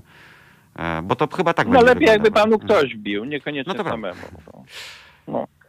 No. E, no tak, no tak, tak te No, szczepienia mają Bo chodzi mi o to, że to jest żadna które- filozofia, jeśli chodzi o technikę, że tak powiem. No nie musimy trafić w żyłę, prawda, i tak dalej. Możemy to zrobić praktycznie No lepiej nie zakresie. trafić w żyłę, to Ja wiem, to- wiem, wiem, tylko mówię, że prawdopodobieństwo i łatwość zrobienia tej iniekcji naprawdę nie wymagałaby od nas kolei... Samo szczepienie technicznie jest bardzo proste, Tak. aczkolwiek znowuż, no zawsze, no, no Mhm. trzeba powiedzieć, że z każdym, z każdą czynnością, Mhm. którą się wykonuje, są jakieś tam ryzyka, prawda? Lepiej jak to zrobi pracownik, e, który wykonuje to na, Mhm. na co dzień, no bo tak zwane NOPy, czyli niepożądane odczyny poszczepienne, Mhm. e, no też się zdarzały. Jest to sprawa promilach, Mhm. ale no takie rzeczy też się Właśnie, zdarzają. Zawsze musimy e, ważyć tutaj. Ma pan rację, bo, bo zaraz ryzyko. dajemy argument e, antyszczepionkowcom i płaskoziemcom, prawda, w- do ręki. Nie, nie, nie, tutaj nie chodzi, Mm. żeby dawać Ja argument, wiem. tylko żeby rzetelnie przedstawiać, że Mhm. e, e, unikniemy tych nopów, jeżeli będziemy się stosowali Stosować. do określonych Tak zaleceń, a jeżeli gdzieś tam pod schodami brudnymi rękoma, Mhm. no to prawdopodobieństwo e, powikłań będzie Jasne. większe. I po co to robić? Jasne. Jak można to w warunkach no, właściwych. Panie doktorze, e, oby tak było, e, obyśmy podchodzili rozumnie, racjonalnie e, i postrzegając szerszy kontekst społeczny, a nie Tak tylko jest końcówkę, włas- końcówkę własnego nosa, panie doktorze. Tak jest, doktorze. i żeby szczepionki jak najszybciej Mhm. te właściwe pojawiły się, Mhm. żebyśmy mogli tą e, odporność populacyjną szybko osiągnąć. Tego Mhm. sobie i radiosłuchaczom Bardzo dziękujemy. Pan doktor Dziękuję również. Jacek Klakoczar był Państwa i naszym gościem. Panie doktorze, dużo zdrowia i wytrwałości w tych trudnych czasach. Dziękuję i wzajemnie. Do usłyszenia. Tak więc, proszę Państwa, no jedno jest jasne. Jeżeli będziemy trzymać się e, zasad, e, jeżeli będziemy e, spełniać te podstawowe, naprawdę minimalne kryteria, proszę zobaczyć, jak niewiele trzeba. I to naprawdę nie są miejskie legendy. Naprawdę. W sytuacji, w której Państwo myją często ręce, dezynfekują je, używają tej maski, proszę zobaczyć, ilu zakażeń e, takich zwykłych jesienno-zimowych Państwo e, unikają, bo to przecież jeśli chodzi o dzieci, to też jest kwestia anginy, prawda, która jest roznoszona w przedszkolach drogą kropelkową. E, Anginy, która o tej porze roku no, kładłaby masowo dzieci do łóżek e, na kilka dni e, z gorączką. E, Teraz tego nie ma. Nie ma tego, bo jest nauka zdalna, ale przedszkola e, do tej nauki zdalnej nie, nie dołączyły. Natomiast widać tę uważność, która wiąże się z tym, że tych zakażeń po prostu jest, jest mniej. Czego sobie i Państwu życzymy. Self-control, tak? W imię wspólnego dobra. W tej chwili już mamy trzy minuty po pół do dziewiątej. To jest Halo Radio z Marszałkowskiej pod dwójką, a słońca wyglądamy. Z chmury jakoś nie może się przebić.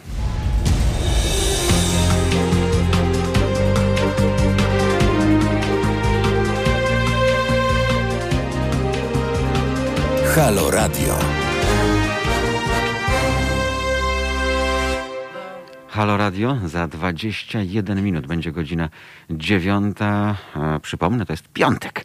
I to jest dobra informacja, bo piątek to przecież weekendu początek i miejmy nadzieję, że ten weekend będzie e, dla Państwa przyjemny, w miarę pogodny i w miarę ciepły, em, ponieważ jak znam życie, a chyba trochę je znam, e, wiele osób w naszym kraju, w całym kraju e, już e, mniej więcej od dzisiaj, w związku z początkiem weekendu, będzie miało swój pomysł na tego weekendu spędzenie, a najlepszy pomysł ostatnimi czasy na spędzenie weekendu e, i nie tylko, to popołudniowe i wieczorne spacery. Państwo wiedzą, o czym mm, mówię, no bo przecież e, demonstracje, manifestacje, zgromadzenia są nielegalne, więc nikt nie manifestuje. My nie namawiamy nikogo do łamania prawa, prawda? Jakbyśmy mogli. Nie od tego jest medium obywatelskie. My namawiamy Państwa do tego, żeby rozprostować kości, żeby po całym męczącym tygodniu pójść na spacer, żeby sobie popatrzeć, e, e, żeby pokiwać głową, przekazać sobie znak pokoju,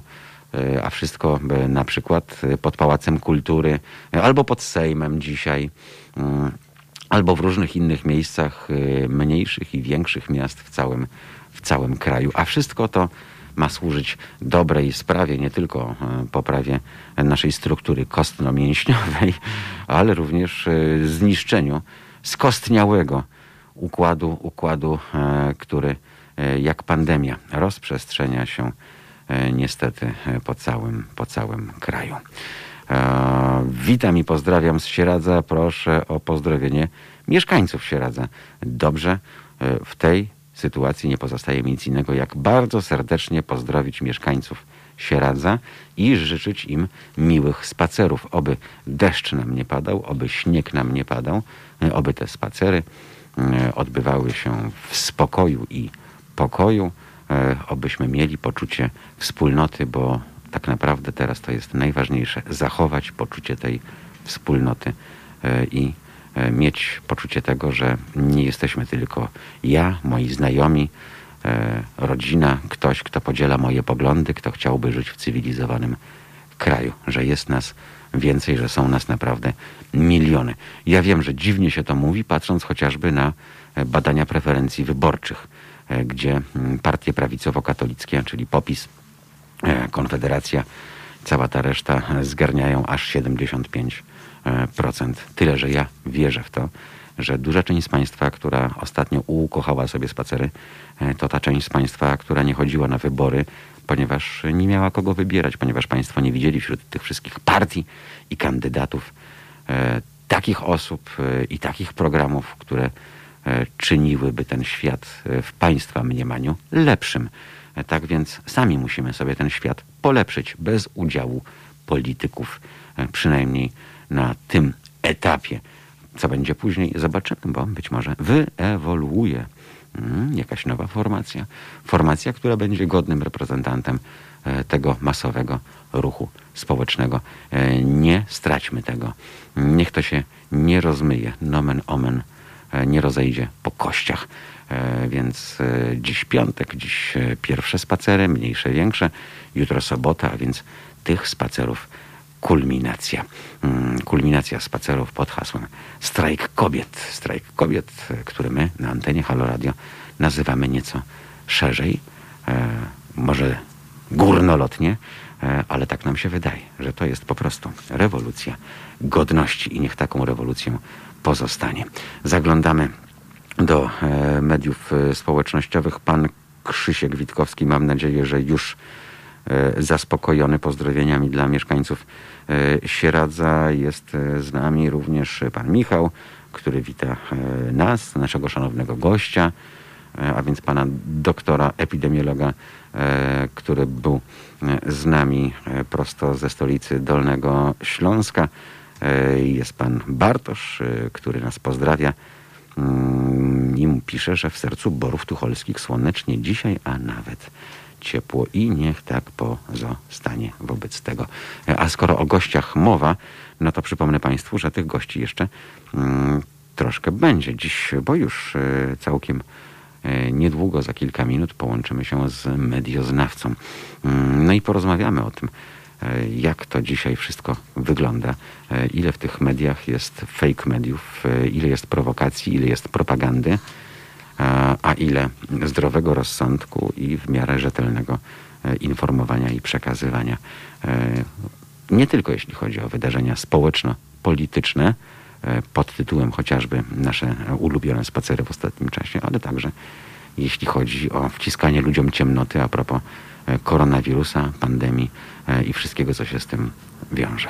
Tak więc o tym już za kilka minut, a na razie, na razie zaproponujemy Państwu coś do słuchania, jakąś fajną nutę. Co Państwo na to? Wiedziałem, że się Państwu spodoba.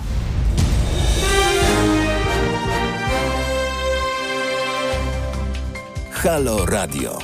Pierwsze medium obywatelskie.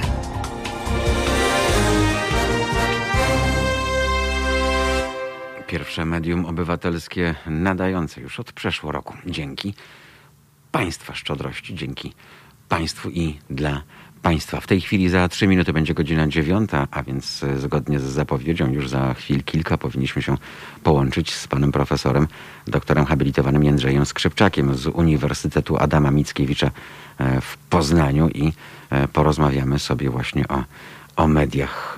Pan doktor jest kierownikiem Zakładu Systemów Prasowych i, i Prawa Prasowego, a więc e, będziemy mogli zadać e, no, sporo, mam nadzieję, Państwa interesujących pytań, a ja też będę mógł zadać e, sporo pytań, a przynajmniej jedno ważne, dotyczące prawa prasowego, bo to tak nawiasem mówiąc też jest takiej proweniencji jeszcze mocno, mocno, bardzo mocno PRL-owskiej i tak jak em, instytucja Rzecznika Praw Obywatelskich, czy tak jak instytucja e, Trybunału Konstytucyjnego, tak e, i e, prawo prasowe, ta ustawa też pochodzi z czasów słusznie przez niektórych minionych, więc być może tutaj dałoby się coś, coś zrobić, co by nam ułatwiło i usprawniło pracę po prostu.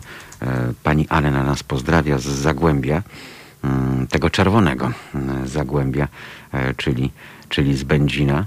E, Mamy tych pozdrowień, zresztą e, jeszcze więcej Państwa nieustannie są w, kontakcie e, z nami. Kto jeszcze? Och, 0 stopni w Feltham, mm, no i w Kork też Państwo piszą, że szału nie ma, bo w nocy koło zera, teraz około trzech i tak dalej, i tak dalej. Przypomnę Państwu, że cały czas trwa nasza transmisja także na Mixcloudzie i to jest y, to źródło, które Państwo coraz chętniej wybierają ze względu na to, że tu mm, nie ma obostrzeń e, polegających na eliminowaniu dźwięków muzycznych z naszej transmisji, czyli tak jak to ma miejsce na Facebooku czy, czy na YouTubie. Jest już e, z nami pan profesor, doktor habilitowany Jędrzej Skrzypczak, profesor UAM-u, kierownik Zakładu Systemu Prasowego, Systemów Prasowych, przepraszam, i Prawa Prasowego. Dzień dobry. Dzień dobry, witam Państwa. E, A ponieważ I pana redaktora. e, ma pan tak ważną funkcję, tak ważnego zakładu, e, to ja zapytam, mm, dlaczego lata lecą, mijają kolejne dekady, a ustawa prawo prasowe mm, pozostaje w tym samym punkcie, w którym była już odkąd ją tak praktycznie uchwalono, a uchwalono ją w czasach słusznie minionych. Nikogo nie interesuje napisanie od nowa ustawy prawo prasowe? Jak to wygląda?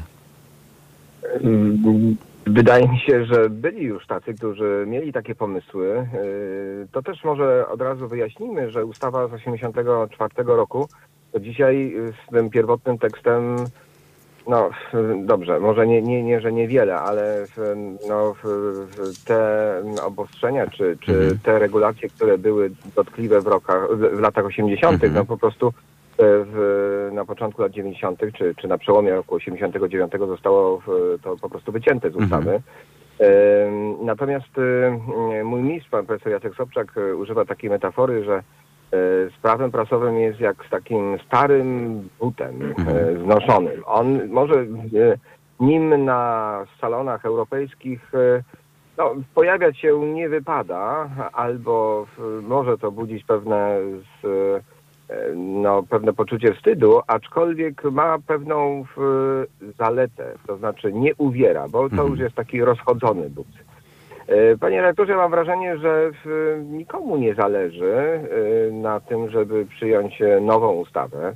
Dlatego, że e, no, pytanie, kto miałby to po pierwsze zrobić, e, w jakim okresie. Mhm. Każdy okres jest zawsze zły. Władza się trochę boi, bez względu na to, jaka to władza, muszę powiedzieć, e, ja- jaki kolor reprezentuje. E, No, boi się, dlatego że zawsze środowisko dziennikarskie postrzega e, próbę zmiany czy, czy próbę tworzenia nowego aktu normatywnego w tym zakresie jako, jako no, rodzaj w, w, no, uciszenia dziennikarzy, tak? E, Więc, więc władza się trochę boi. Dziennikarze, myślę, że czy środowiska dziennikarskie też mam wrażenie, że no, już przywykły. To jest taki, takie, tak jak powiedziałem, z tym rozchodzonym butem, jest takie przekonanie, że to obrosło już e, orzecznictwem e, i tak pewno jest e, sądowym, więc mniej więcej wiemy, w jakich e, przestrzeniach się poruszać, e, co można, czego nie można. No i w związku z tym jest to wygodne. No, No, faktycznie. ale, panie doktorze, ale przecież, 84 rok. przecież no, wystarczy ten najprostszy przykład, y, te kagańcowe przepisy, czyli y, ta cenzura prewencyjna, prawda, czyli można się zgłosić do sądu y, i zakazać publikacji do czasu, do czasu rozstrzygnięcia. Mówi pan o pos, pos, postępowaniu zabezpieczającym. Tak, tak, no, tak, tak, tak. No i w- No, i- Aczkolwiek i- ono też zostało znowelizowane i, i, i tutaj też no, w, no nie jest to już takie łatwe, jak było jeszcze tam wiele lat temu. E, A propos, a propos jeszcze roku 84, Mhm. to e, tutaj trzeba powiedzieć, że rzeczywiście za zarządów e, tej koalicji doszło do takiej, można powiedzieć w cudzysłowie, dekomunizacji prawa Mhm. prasowego, bo Mhm. proszę sobie wyobrazić, że w ustawie ciągle funkcjonowało PRL Mhm. Do 2017 roku. Formalnie, tak? Mhm. To znaczy, że e, w, mm, było tam odwołanie do Konstytucji Polskiej Rzeczpospolitej Ludowej. I dopiero w 2017 roku ktoś wpadł na pomysł, że trzeba to wykreślić z ustawy, e, czy no, odwołać się do Konstytucji Rzeczpospolitej Polskiej. Mhm. No tam było jeszcze wiele takich innych e, kwiatków, jak No to, to nie wiem, ale to, to, to tak może, tak może powinno się podtrzymać tę radę prasową, którą profesor Messner jeszcze powoływał po raz pierwszy i ostatni Wie podczas pan, swoich y, rządów. Świętej pamięci tak, niestety już pan prawda. profesor. Tak, i ona się na przykład w Polsce bardzo źle kojarzy, Mhm. chociaż muszę powiedzieć, że w wielu krajach e, e, zachodniej Europy Mhm. takie mm, rady prasowe, czy takie e, ciała, które składają się z samych dziennikarzy, Mhm. e, czy, czy środowiska dziennikarskiego, funkcjonują, mają się dobrze. Co więcej, mogę powiedzieć, że mm, jest y, taka, y, wie pan, bo y, jesteśmy w takim momencie, no, nie dzisiaj tylko i, i proszę tego absolutnie nie, nie, nie, ja się nie zajmuję polityką, w związku z tym to są żadne odniesienia do, do, do rzeczywistości politycznej w, w Polsce.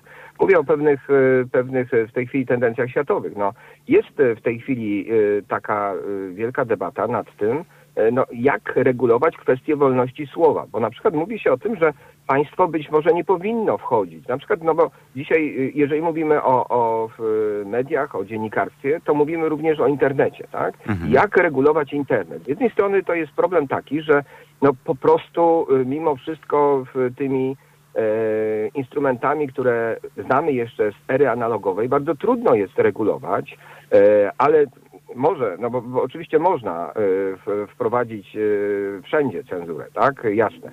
Natomiast e, chodzi o to, żeby no, była jakaś regulacja, ale być może najlepszym środkiem czy metodą jest wprowadzenie samoregulacji. W wielu obszarach to się już dzieje, zresztą nawet w tej dyrektywie o audiowizualnych usługach medialnych Unii Europejskiej. Mhm. Tam jest takie zalecenie, żeby właśnie pójść w kierunku, w, w kierunku samoregulacji. To znaczy, że samo środowisko, czy współregulacji, tak? E, Współregulacja polega na tym, że jest pewien impuls ze strony organów państwa, ale to samo środowisko, właśnie, tylko co to znaczy środowisko, tak? Nakłada na siebie pewne ograniczenia i co najważniejsze, kontroluje to. Wie pan, i to jest y, moim zdaniem dla mnie na przykład bardzo bliskie podejście, bo ja uważam, że oczywiście państwo powinno, ma określone zadania i musi regulować pewien obszar życia publicznego, tak? Ale w kwestii takiej wrażliwej, czułej jak wolność słowa, no to y, właśnie sięganie po te twarde mechanizmy prawne czasami wywołuje no, ogromne kontrowersje, tak? Y, Kontrowersje to mało, no, powoduje duże szkody, więc być może y, rzeczywiście takie podejście, takie samoregulacyjne jest, y, przynajmniej mi jest bardzo bliskie, dla mnie jest bardzo bliskie i, i te wyśmiewane rzeczywiście rady prasowe, oczywiście, no to one mają tutaj pewien kontekst, tak, w Polsce. Natomiast y, to jest takie nawiązanie właśnie do takich ciał samoregulacyjnych i y, no już chociażby na, na jak powiedziałem, y, ta dyrektywa o audiowizualnych usługach medialnych taki impuls, takie zachęcenie wprowadza, czego dowodem jest chociażby stosowny zapis w ustawie o radiofonii i telewizji, tylko tyle, że no, w Polsce my nie mamy takich tradycji niestety właśnie samoregulacyjnych, tak? To też trzeba pamiętać, że jednak w ten obszar prawny Unii Europejskiej to przynajmniej do niedawna był zbitek tego systemu common law brytyjskiego i systemu kontynentalnego. W związku z tym y, no, nie- no nie wszystkie takie instytucje prawne, które funkcjonują w innych systemach prawnych są nam bliskie, mamy takie tradycje, tak? No u Mhm. nas jednak, dobra, jak mam e, bat, to mogę go użyć, tak? Ale być może właśnie trzeba sięgać po takie miękkie mechanizmy, bo też proszę e, pamiętać jednak o tym, no, że no, odbiorcy, słuchacze, widzowie, czy po prostu osoby, które e, w, pojawiają się na łamach e, gazet, no też powinni mieć jakieś e, instrumenty, którymi mogą przeciwdziałać przeciwko Mhm. No, w- działaniom e, dziennikarzy, które są nieuczciwe. No, nikt nie jest idealny i wszędzie znajdują się czarne owce, tak? W związku z tym właśnie e, jakieś mechanizmy obrony e, Mhm. Powinny się znaleźć. No tylko właśnie pytanie o to, jakie. Tak? No, to rada, jest, e, e, rada jeżeli miałaby pytanie. powstać, e, panie doktorze, to też trzeba byłoby to przedefiniować, ponieważ ona miałaby być przy premierze. A to już by wzbudzało kontrowersje, Nie, nie, nie, niezależnie od... oczywiście, no ten od tego, kto miałby być premierem, bo, to, to, przypomnę tylko- też, Mhm. mhm, Przypomnę panu, że nie wiem, no mamy Radę Programową Polskiego Radia i to jest śmiech na sali, bo to jest, owszem, złożona obligatoryjnie z członków opozycyjnych ugrupowań zgłaszani są kandydaci, ale ona nie ma żadnego znaczenia, nawet symbolicznego Tak. i wiemy, co się ostatnio działo. powiedzieć, Mhm. tak.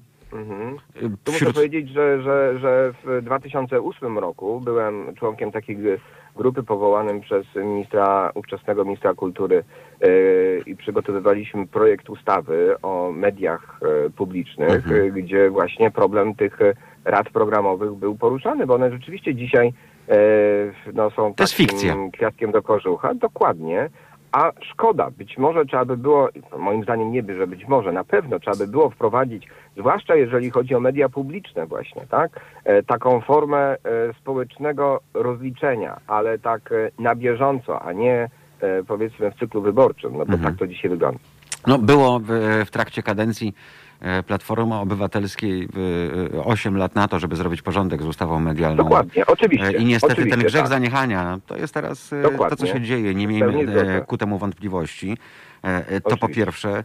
E, Po drugie, pamiętamy też przy okazji nawoływania do bojkotu, e, niepłacenia abonamentu i tak dalej, to wszystko nie robiło dobrze. Teraz media publiczne są To po prostu prawda. politycznym kąskiem.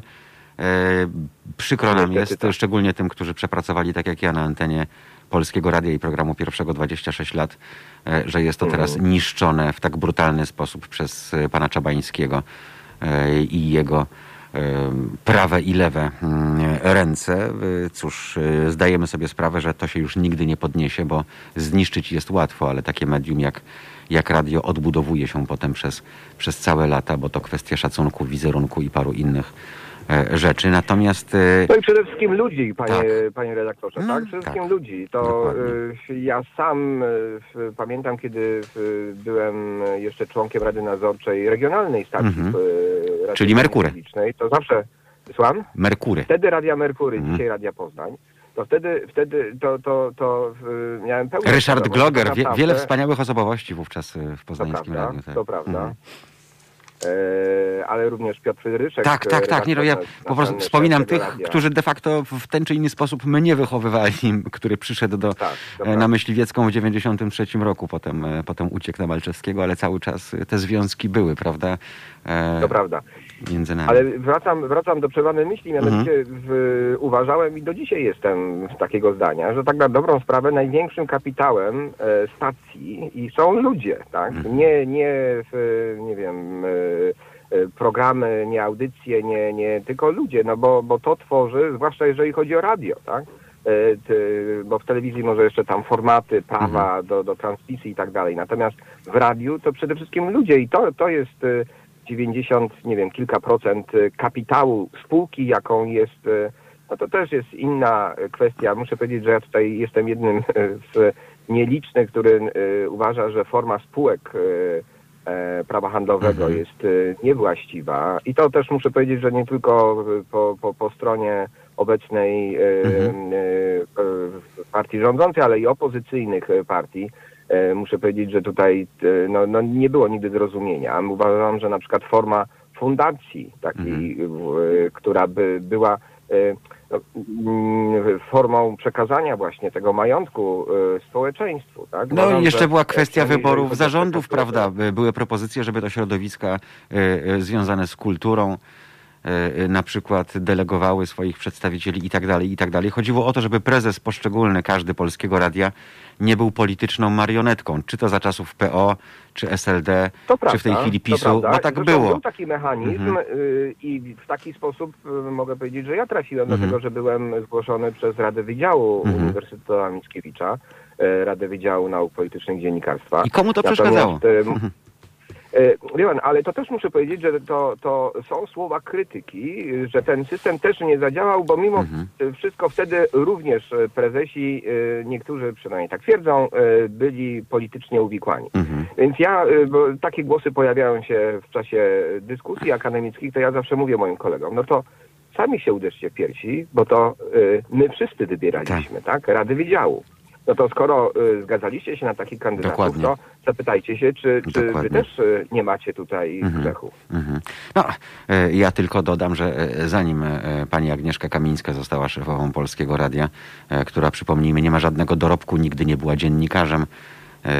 Oczywiście jej jedyną wartością jest to, że przyjaźni się z żoną pana Czabańskiego, bo z zawodu jest logopedą. E, To zanim ona nastała, to byli też inni prezesi. E, Sam byłem świadkiem, obserwowałem jak Włodzimierz Czarzasty, e, wikłając się w walkę polityczną z Leszkiem Millerem pod tytułem Ja ci pokażę, kto jest ważniejszy w naszej piaskownicy, wyrzucili świętej pamięci prezesa, którego pan na pewno zna, ponieważ to przecież poznaniak, e, m, pan Hasiński, prawda? I wiemy, co się działo, co się działo później. W imię pstrykania się i temu, że ktoś komuś zabrał foremki, e, rozpoczął się demontaż polskiego radia de facto. E, I de facto to pan Włodzimierz Czarzasty codziennie w swoim plecaczku i żółtym sweterku e, przychodził, żeby wydawać polecenia e, ówczesnemu e, prezesowi Siezieniewskiemu, e, po raz kolejny zresztą. E, I, I tak to wyglądało. I muszę panu powiedzieć, że e, dużo aviomarinu trzeba było mieć, żeby przez te lata obserwując, ja przeżyłem wiele zarządów, proszę mi wierzyć, i najlepszy był Ryszard Miazek, czyli PSL. E, Bo to był jedyny prezes, który powiedział, ja się na radiu nie znam, ja nie jestem radiowcem, nie jestem dziennikarzem, ja jestem ekonomistą, więc ja się skupię na ekonomii radia, a wy, dziennikarze, ufam, że to, co robicie, robicie najlepiej. I tym się zajmijcie, niech każdy z nas zajmie się swoją robotą. To były złote lata radia, proszę mi uwierzyć. E, Wcześniej pan prezes Krzysztof Michalski, naukowiec, e, e, który naprawdę miał wiele ambicji, jeśli chodzi o modernizację radia, co też mu się udało.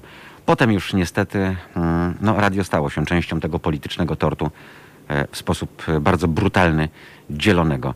E, Obserwujemy to do dzisiaj, bo mm, to nie jest tylko kwestia popisu, to jest też kwestia wszystkich innych ekip, które e, montowały swoich ludzi, mm, zwalniając ludzi, którzy właśnie mieli to coś, o czym pan doktor wspominał. Osobowość, charakter, warsztat, e, wiedzę.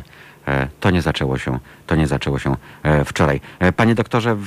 Za- Mhm. jeżeli mogę tylko jeszcze jedno zdanie. Ale może pan więcej zdań, bo chcieliśmy ustawy- tylko na chwilkę zaproponować jakąś fajną nutę naszym słuchaczom. Z, roku 84 p- prawo prasowe, to muszę y, powiedzieć, że im dłużej tym to obserwuję i zajmuję się tym, to mam wrażenie, że y, jakiekolwiek byśmy normy prawne nie wymyślili, to one nigdy nie zabezpieczą przed tym, o czym pan redaktor Mhm. przed chwilą wspomniał. W, no, bo y, to jest kwestia taka, że normą prawną no, nie da się zadekretować przyzwoitości. Przyzwoitości I- człowieczeństwa, tak jest. Mhm. Dokładnie. I to, I to wie pan, możemy mówić o rozwiązaniach takich, y, siakich czy owakich, ale y, to też jest, y, myślę, przede wszystkim sposób myślenia o państwie, Mhm. o elementach czy spółkach tego państwa, jak my to traktujemy, jako łup wojenny, czy jako dobro wspólne, dobro publiczne. I ja tak mówię Ja jak, pan, jestem- jak pan profesor, tylko wie pan co, by- No znajomi właśnie. bliżsi i dalsi, legendy dziennikarstwa nawet, pukają się w głowę, pukają coraz- się w głowę. tak. Co ty opowiadasz? Co ty sobie wyobrażasz? A, Tylko coraz bardziej w związku z tym myślę, że, że jedynym systemem czy e, rozwiązaniem prawnym, które dawałoby tutaj w jakiejś, e, jakąś gwarancję tego, że no, nie byłoby właśnie Mhm. tak, e, jak w, w, o czym pan wspominał przed chwilą, to może jest system losowania. mhm. To znaczy, żebyśmy y, członków rad nadzorczych, jeżeli przyjmujemy dalej ten model spółki, tak, Mhm. y, i zarządów, losowali z pewnej spóli. Jak ława Dlatego, przysięgłych. Wtedy być może, y, no na przykład, tak, Mhm. na przykład, no ale to już jest wyraz y, tak naprawdę no, y, w y, całkowitej bezsilności. Mentalnej desperacji, tak bym powiedział. Tak. Ale, ale być może to by wreszcie zadziałało. Tak? Panie profesorze, rozstańmy się dosłownie na trzy minutki, bo jeszcze jest parę ważnych tematów. Przede wszystkim to, co się teraz dzieje w takiej sferze e, fake newsowo-propagandowej, to po pierwsze. Po drugie, nie mogę nie zapytać, e, e, dlaczego cały czas funkcjonuje w polskim kodeksie mm, sankcja za tak zwaną obrazę uczuć religijnych, bo to ma dużo związku z, tego, z tym, co się teraz dzieje i dlaczego tak późno się dzieje i w jaki sposób również przez to sterowano e, mediami i, e, i o kilku innych, innych sprawach, więc e, słyszymy się za dosłownie trzy minuty po, po piosence. Dobrze. Halo Radio. Pierwsze radio z wizją. A z nami, przypomnę, jest pan profesor znakomitego Uniwersytetu Adama Mickiewicza, doktor habilitowany Jędrzej Skrzypczak, z którym rozmawiamy o tym, co się dziś dzieje w mediach, co się zmienić e, powinno. Rozmawialiśmy o ustawie prawo prasowe, a ja chciałbym, e, tak jak przed piosenką proponowałem, porozmawiać teraz o wykreśleniu tego feralnego i fatalnego e, paragrafu z kodeksu, który mówi o obrazie uczuć religijnych. Też mnie to dotknęło, e, ponieważ pan Jan Dworak, przedstawiciel Platformy Obywatelskiej, jako przewodniczący Krajowej Rady Radiofonii i Telewizji, za program, który zrobiliśmy z Kubą Wątłym o pedofilii w kościele, e, wtedy, kiedy to jeszcze nie było modne, przyłoił nam 70 tysięcy złotych. E, Procesy odwoławcze i kolejne instancje to było chyba 5-6 lat. Oczywiście sąd ostatniej instancji pana Dworaka wyśmiał, powiedział, że to, co mówiliśmy, mieściło się w prawie do krytyki i tak dalej, i tak dalej. E, Ale ile zniszczył nam życia e, i to tylko on e, wie. E, Włosi zdecydowali się na taki krok już ładnych kilka lat temu e, i pamiętam, że wybuchła niezła burza, w tamtejszy episkopat i wszyscy inni pokrzyczeli, ale trwało to trzy miesiące i, i ucichło. E, Gdyby w Polsce nie było tego paragrafu, to być może nie trzeba byłoby przez 30 lat przełamywać pewnych tabu e, panie doktorze. E, Tylko można byłoby nie tylko za pośrednictwem tygodnika Nie e, czy innych e, niszowych e, pism, tygodnik Nie na szczęście wtedy niszowy nie był, e, pisać o sprawach związanych z Kościołem e, i tym, e, i co się wokół tego dzieje i połączeniu styku Kościół państwo. E, Dziś już każdy o tym może mówić, e, bo jest społeczne przyzwolenie, bo coraz więcej afer wychodzi na wierzch. E, Natomiast czy to nie jest czas, żeby w ogóle zrezygnować z tego paragrafu? Mm. No to jest y, mm, dobre pytanie, bo y, z jednej strony oczywiście, y, tak jak powiedziałem y, wcześniej, no, ochrona y, y, osób, odbiorców, obywateli, no, y, powinna być taka czy inna. Tylko jest zawsze pytanie, czy należy to robić środkami prawnokarnymi oczywiście, tak? Bo to jest właśnie ten, to pytanie o model interwencji. Ja kiedyś robiłem takie badania dotyczące mm, właśnie w, mm, między innymi tych przepisów y, w, w całej Europie. I muszę powiedzieć, że mm, to rzeczywiście jest tak, że w tych krajach y, y, nowej demokracji te przepisy są tam najbardziej surowe. E, faktycznie, ale mm, y, inna rzecz, że w, oczywiście w krajach tej starej, y, na przykład Unii Europejskiej, też y, ciągle można takie przepisy znaleźć. E, Tak samo jak na przykład przepisy karne, które chronią króla, dajmy na to w Hiszpanii tak. Natomiast inną rzeczą jest praktyka sądownicza, jak sądy stosują to i stosują niezwykle rzadko, jeżeli w ogóle. Natomiast oczywiście to jest zawsze metoda y, i, to jest zawsze pytanie o tę metodę y, w, w, no, walki. Myślę, że to jest tak samo pytanie o, tak jak w tej chwili zastanawiamy się nad y, kwestią aborcji. Czy Mhm. zawsze to jest konieczność sięgania po sankcję prawnokarną, prawda? Tę najbardziej surową. No bo przecież y, y, można y, w- mieć takie czy inne zdanie. Natomiast pytanie, czy państwo powinno ze swoimi butami i sankcją prawnokarną tutaj wchodzić. Dokładnie Y, tak. wracając Mało do- tego, do- panie do- doktorze, do- y, jeżeli pan Schetyna mówi przedwczoraj, że absolutnie on nie, nie jest za dopuszczeniem aborcji, e, na życzenie, jak to nazwał, e, to ja mu chętnie odpowiem. To, drogi Grzegorzu, donoś tę ciążę i urodź to dziecko, prawda? Już tak ironizując. E, Dlaczego ludzie, którzy są wierzący i instytucje z nimi związane, chcą decydować o losach ludzi niewierzących i niepodzielających tego typu poglądów? Ja nie miałbym nic przeciwko temu, gdyby osoby występujące jako e, rzymscy katolicy e, mówili, nigdy nie dokonam aborcji. Dobrze, to jest twoje prawo, nikt cię do tego nie zmusza, ale nie zmuszaj do tego innych. Tak samo nikt nie powinien zmuszać mnie, człowieka, który e, ma poglądy ateistyczne, który nie jest ochrzczony, do tego, żebym nie mógł obserwować tego, co się dzieje, e, niczym Bronisław Malinowski w Afryce opisujący życie seksualne dzikich, prawda? E, I ja mam prawo również mieć swoje spostrzeżenia. E, Na tej samej zasadzie ktoś może się obrazić, że ktoś się śmieje z baśni Andersena, e, bo on wierzy w baśni Andersena i wierzy, że to była prawda. E, To jest po prostu w XXI wieku, w dostępie do informacji, e, w ultra szybkim przepływie e, e, tej informacji, wiedzy, mm, to jest coś, co przypomina takie no, średniowieczne praktyki. Tak naprawdę kończy się właśnie kolejnym kagańcem, panie doktorze. No tak, oczywiście to może wyglądać, chociaż też no, nie zapominajmy o osobach, które rzeczywiście być może te wartości bardzo mocno przeżywają i na przykład no, w, też trzeba zapewnić im ochronę, bo no, no, no, też nie, nie, nie czarujmy się. Ale że- ja do kościoła nie wchodzę i, i naprawdę tak. nie, nie bluźnię w tym kościele. Ja ni- nic, Jasne, nie, nic nie robię sobie, ja po prostu naprawdę nie tykam się, nie znam się, nie wiem, nie interesuje mnie. Mówię tylko o rzeczywistości, która wyziera spod progów i spod drzwi wejściowych do tych, Jasne. do tych I kościołów. proszę, proszę też, y, być może y, pan redaktor pamięta taki doskonały film zresztą w, y, o słynnej sprawie ze Stanów Zjednoczonych y, i między innymi Mhm. kwestia takiego plakatu i naruszenia właśnie y, w, y, uczuć religijnych skandalista Larry Mhm, Flint. tak, tak. Doskonały film, wielokrotnie no, go zresztą oglądałem. Genialna rola. mm, Dokładnie. główna. Y, Więc y, y, no niestety to też może jest, y, wspominał Pan o, o kazusie y, włoskim, y, no, że tego rodzaju zdarzenia powodują dyskusję i na, wówczas y, dochodzi do jakichś zmian. No niestety y, ten proces legislacyjny tak wygląda, że działamy troszkę zawsze krok po, prawda? Mhm. Y, Jeżeli chodzi o to, co jest... Co gorsza, y, konstytucję tak napisaliśmy, y, y, za co cierpimy prawda. do dzisiaj. Tak. Natomiast, y, natomiast no, tutaj z tą konstytucją to, to też byłbym ostrożny, bo ona moim zdaniem się broni, natomiast kwestia wykładni tej konstytucji Mhm. to jest y, inna No zupełnie y, kwestia. Natomiast y, chciałbym tylko podkreślić jedną rzecz, że jeżeli chodzi o to, co jest przestępstwem, a co nie, decyduje o tym państwo, no, Mhm. czyli ustawodawca, Mhm. tak? Mhm. I on z jakiegoś powodu uważa, że jest to y, kwestia wyjątkowo wrażliwa, którą trzeba chronić takimi środkami. No ale myślę, że to też jest temat oczywiście do, do dyskusji, tak? Y, Mhm.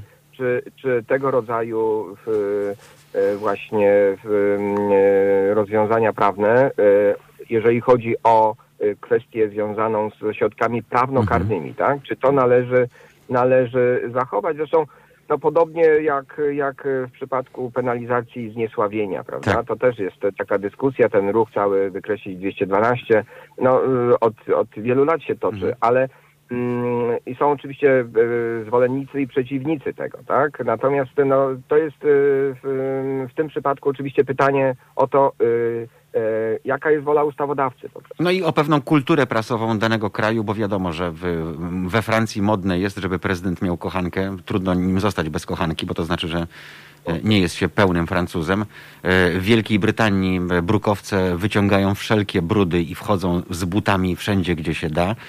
E, Więc to jest też e, kwestia pewnej umowy społecznej, co jest akceptowalne, a co nie. A przykład włoski podałem, panie doktorze, dlatego że to, jest, to był kraj ultrakatolicki, w którym był zakaz rozwodów, zakaz aborcji i tak dalej. Chciałem pokazać, że nawet w takim e, kraju, w którego sercu leży Watykan, dało się z tym coś, coś zrobić. E, Więc być może jest i szansa, żeby i tu e, dało się z tym coś, e, coś zrobić. Porozmawiamy o, porozmawiajmy o tym, co się dzieje dziś, e, ponieważ e, w dobie tej rewolucji godności, strajku kobiet, e, E, Dzieją się rzeczy bardzo, e, bardzo dziwne. Ja przyznam szczerze, trudno mi będzie mm, rozmawiać tak do końca e, e, wypełnionym wiedzą, bo już dawno temu odciąłem sygnał telewizyjny ze swojego domu. Używam tylko aplikacji typu Netflix i innych, e, po to, żeby nie musieć oglądać właśnie TVP Info, TVN24 e, i tym podobnych, e, dzięki czemu zachowuję zdrowie psychiczne i fizyczne. E, Natomiast e, to, co oglądam w internecie, prawda, z, e, z przekazów tych stacji, Zauważyłem, że tak jak polaryzacja jest, e, pseudopolaryzacja moim zdaniem w świecie politycznym, bo popis się niewiele e, różni jedni od drugich, tak samo e, tak możemy zastosować te analogie do telewizji. TVP Info przegięcie w jedną stronę, TVN24 przegięcie w absolutnie drugą stronę. Ale panie redaktorze, tu wejdę w słowo, bo, bo y, czekam na publikację taki y, tekst, y, który wspólnie z, z moim współpracownikiem przygotowaliśmy, badanie dotyczące trzech wydarzeń Mhm. i relacji y, w, w momencie śmierci Adamowicza. Mhm. E, To było jedno wydarzenie, drugie to były wybory samorządowe, Mhm. jeszcze te ostatnie, Mhm. i trzecie wydarzenie to były, to były protesty pod Sejmem w związku ze zmianami w Trybunale Konstytucyjnym jeszcze, tak? To był grudzień, zdaje się, 16 roku. tak, chyba, e, no, bardzo, E, bardzo ważne wydarzenia wówczas miały miejsce z Dokładnie, konsekwencjami dokładnie. politycznymi. I, tak. I wtedy e, i zbadaliśmy w audycje informacyjne w trzech stacjach Mhm. i tytuł, artykuł nosi tytuł właśnie polaryzacja treści, tak? Mhm. Bo faktycznie widać, że no, pan, rozumiem, intuicyjnie to czuje, czy jako w, w dziennikarz tak to widzi, ale faktycznie to są dwa przeciwstawne bieguny, jeżeli chodzi o TVP i TVN. Polsat z tych badań wynika, że on mieści się gdzieś w środku, no ale to być może jest e, związane w ogóle z taką całą e, koncepcją. e, No, jak wiadomo, e, właściciel ma swoje inne interesy, No które e, nie mogą Tak. się popsuć, dlatego że e, telewizja będzie w którąś tam stronę ciążyła. E, Ale to też jest efekt. Tylko tyle, że tylko Niech pan tyle, zobaczy, jaką oglądalność ma Polsat News. Jak, jak Tylko marginalną w porównaniu z rzecz, TVN że- i TVP Info. Może dzięki temu właśnie. że o ile jeż, jeżeli chodzi o stacje komercyjne, Mhm. to y, właściciel decyduje tak na dobrą sprawę. Oczywiście rzetelność dziennikarska jest bardzo ważna, natomiast y, no, linia programowa, choć proszę pamiętać, że y, to zostało... Wracamy do wypuszczone przez prawa prasowego. 1984 roku. Tak, hurra, tak, hurra, tak. hurra. Cieszę się, że pan o. Natomiast, y, ym, natomiast, ale to zostało akurat wykreślone. To przy, Czyli przy- już mnie redaktor naczelny Y, nie może zwolnić za to, że nie trzymam linii? Nie, nie, nie, nie, nie, nie. Tak. Mm. E, Zmiana nastąpiła i to e, powiedzmy uczciwie w 2017 roku. Późno. e, w- Zaledwie trzy lata temu. Ale to Mhm. dokładnie. Natomiast e, rzeczywiście m, e, jeżeli chodzi o, bo, bo, bo to jest tak zwany pluralizm zewnętrzny, tak to się definiuje, tak? To znaczy, że na rynku jest wiele stacji, tak samo jak wiele gazet, na którym ja mogę sobie sięgnąć do tego, Mhm. do tego tytułu. Natomiast jeżeli chodzi o telewizję publiczną, to ta powinna hołdować w zasadzie pluralizmu wewnętrznego, bo Mhm. ona jest zrobiona za pieniądze publiczne, podobno jak, podobnie jak radio publiczne. No i tak? jest tam prawo I, do głosu dla każdej reprezentacji i opinii. I ja się tym przez te ćwierć wieku szczyciłem, panie doktorze, że dlatego właśnie Mhm. pracuję w radiu publicznym, a nie w żadnym innym, że jest miejsce na takich jak ja. Bo dziennikarz nie powinien ukrywać swoich poglądów tak naprawdę, bo każdy je ma i byłaby to hipokryzja. E, Dziennikarz z punktu widzenia e, mojego na przykład powinien porówno, e, no w cudzysłowie, nienawidzić każdego polityka, prawda, bo to, co nas zjada w tych mediach, to jest fraternizacja, doktorze. Tylko i wyłącznie. Fraternizacja między światem polityki i dziennikarstwa. I przez to rodzą się potem mm, takie media i taki kształt mediów, z jakimi mamy, mamy do czynienia. Wie pan, Proszę ale pan dotyka Mhm. pewnej kwestii, Mhm. pewnej kwestii, o której mało się mówi, a pan nazwał to fraternizacją. E, Czy to nie jest aby e, korupcja w dziennikarstwie? Wie pan, e, mało jest tekstów w, u nas w Polsce na ten temat. Kilka spotkałem, między innymi wyborczej, bodajże Rzeczpospolitej, dotyczącej właśnie tego zjawiska. E, Wie pan, to, tu, tu mówimy o pewnym uzależnieniu od polityków dziennikarzy, Mhm. ale y, proszę mi wierzyć, że to również y, dotyczy świata biznesu, Mhm. tak? E, I to też jest Jasne. y, ciekawa dyskusja, czy w tym zakresie na przykład właśnie jakieś przepisy prawne y, nie powinny akurat ograniczać, tak? Oczywiście no, no w, niedozwolona reklama jest zakazana w takiej sytuacji, natomiast nie może być to ukrytą reklamą, ale no ym, wszyscy wiemy, że, że przecież można zaskarbić sobie względy dziennikarza. Nie tylko no, można, ale to się robi, to się robi codziennie, dzisiaj też. Wystarczy wejść na gazeta.pl, na nie wiem, na Onet, na wszystko. E, Jeżeli już jest takie grube przegięcie, to jest napisane, że to jest materiał promocyjny, ale najczęściej nie jest napisane. E, A to jest Najczęściej nie jest, bo A to jest robienie y, sobie no, dobrze na różny czy sposób, wygoda tak. gdzieś tam w, w terenie, bo to też Mhm. proszę pamiętać, że, że media to y, nie tylko Warszawa, ale to również y, media lokalne, które myślę, że w tej chwili borykają się z ogromnymi Mhm. problemami, y, zwłaszcza jeżeli chodzi o gazety lokalne. Mhm. Natomiast no, w, no, znane mi są Zaraz będą że, państwowe, że bo dziennikarz- Orlen nie kupi. Tak nawiasem. No. Y, I pytanie, co zrobi potem z nimi, tak? Mhm. Bo No dystrybutora, czyli ruch już ma.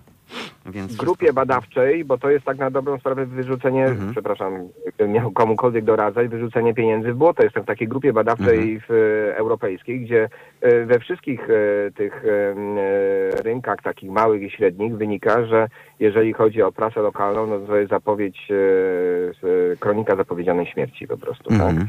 E, przejście na cyfrę nie jest niestety aż tak dające profity Mhm. i e, no, to, jest, e, to jest zapowiedź e, moim zdaniem śmierci tego Mhm. sektora, zwłaszcza jeżeli chodzi o dzienniki regionalne w Polsce, bo to jest No, zniszczy je dziadostwo wszechogarniające, mówiąc tak brutalnie. Taki prosty przykład. Był wypadek, czytałem o tym wypadku w prasie regionalnej.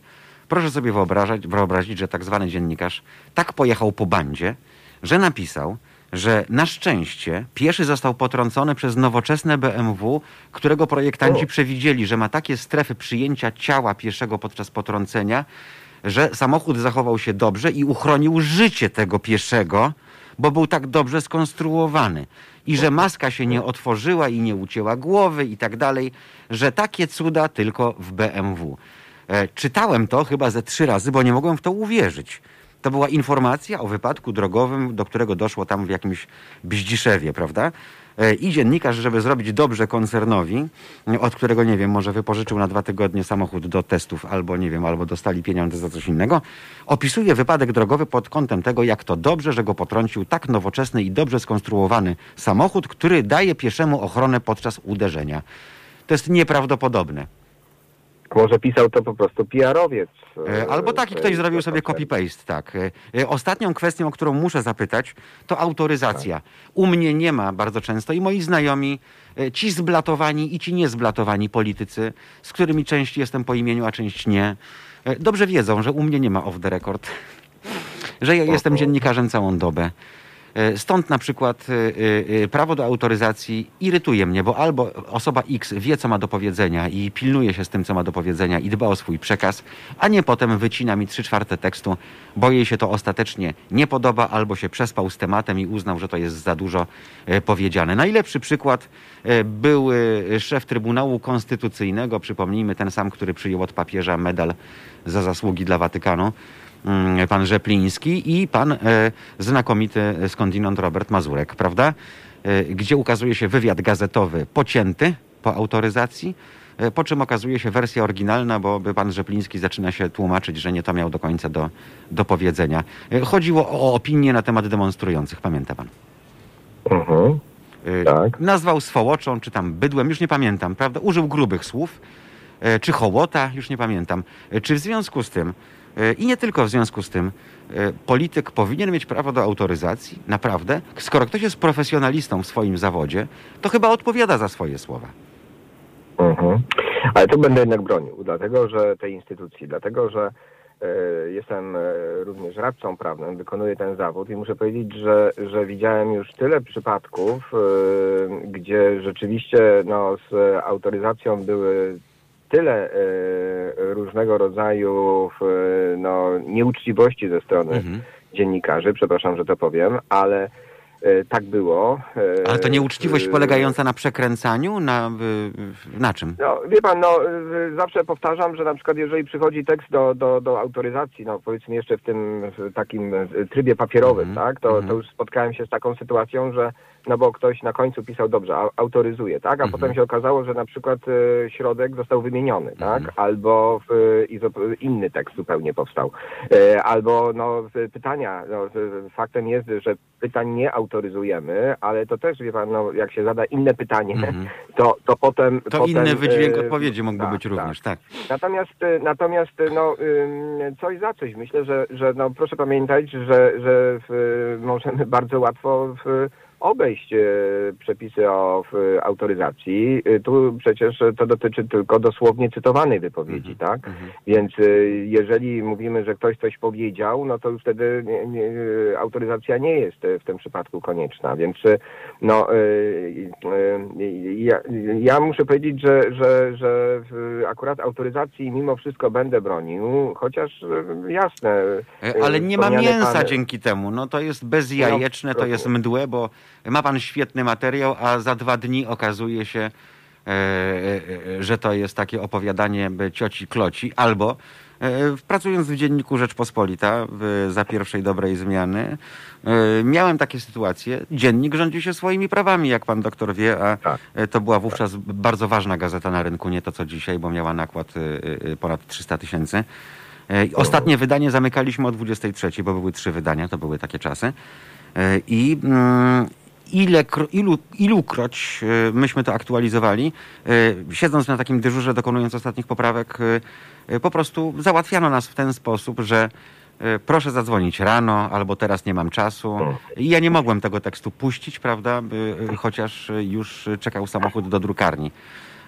I mm, to też była kwestia tego, jak politycy czy e, inne osoby potrafiły manipulować albo coś opóźnić, e, albo no, po prostu spowodować, że ten materiał w tym czasie nie mógł się ukazać, a następnego dnia czy trzy dni później po prostu dla mnie już był nieświeży, już był zaśmiardły, prawda, bo stracił na aktualności. I w ten sposób E, rozumiem. ratowało sobie skórę, nazwijmy to. Mhm. Ale w porównaniu z, tamty, z tamtym akurat czasem, to Mhm. też trzeba pamiętać, że te, te przepisy autoryzacji zostały zmienione i teraz wszystko dzieje się Mhm. szybciej, tak? Mhm. E, I, e, i ten, termin, ten, ten okres wyczekiwania jest krótszy, więc e, to myślę, że to też no, y, jest szukanie akurat Mhm. jakiegoś kompromisu, więc no, y, ja bym się tak mocno akurat y, rozumiem, że to utrudnia życie, y, czy może utrudniać życie państwu, y, dziennikarzom, natomiast no, mm, Mhm. y, jednak ta instytucja y, y, ma też swoje y, no, zalety, tak, Mhm. krótko mówiąc. No cóż, e, pewnie mm, ilu nas by się nie zebrało, tyle byłoby głosów, albo nawet jeszcze Oczywiście. więcej, jak to przy okazji Polaków, tak? Że jest chyba dwóch, a są trzy partie polityczne i pięć opinii.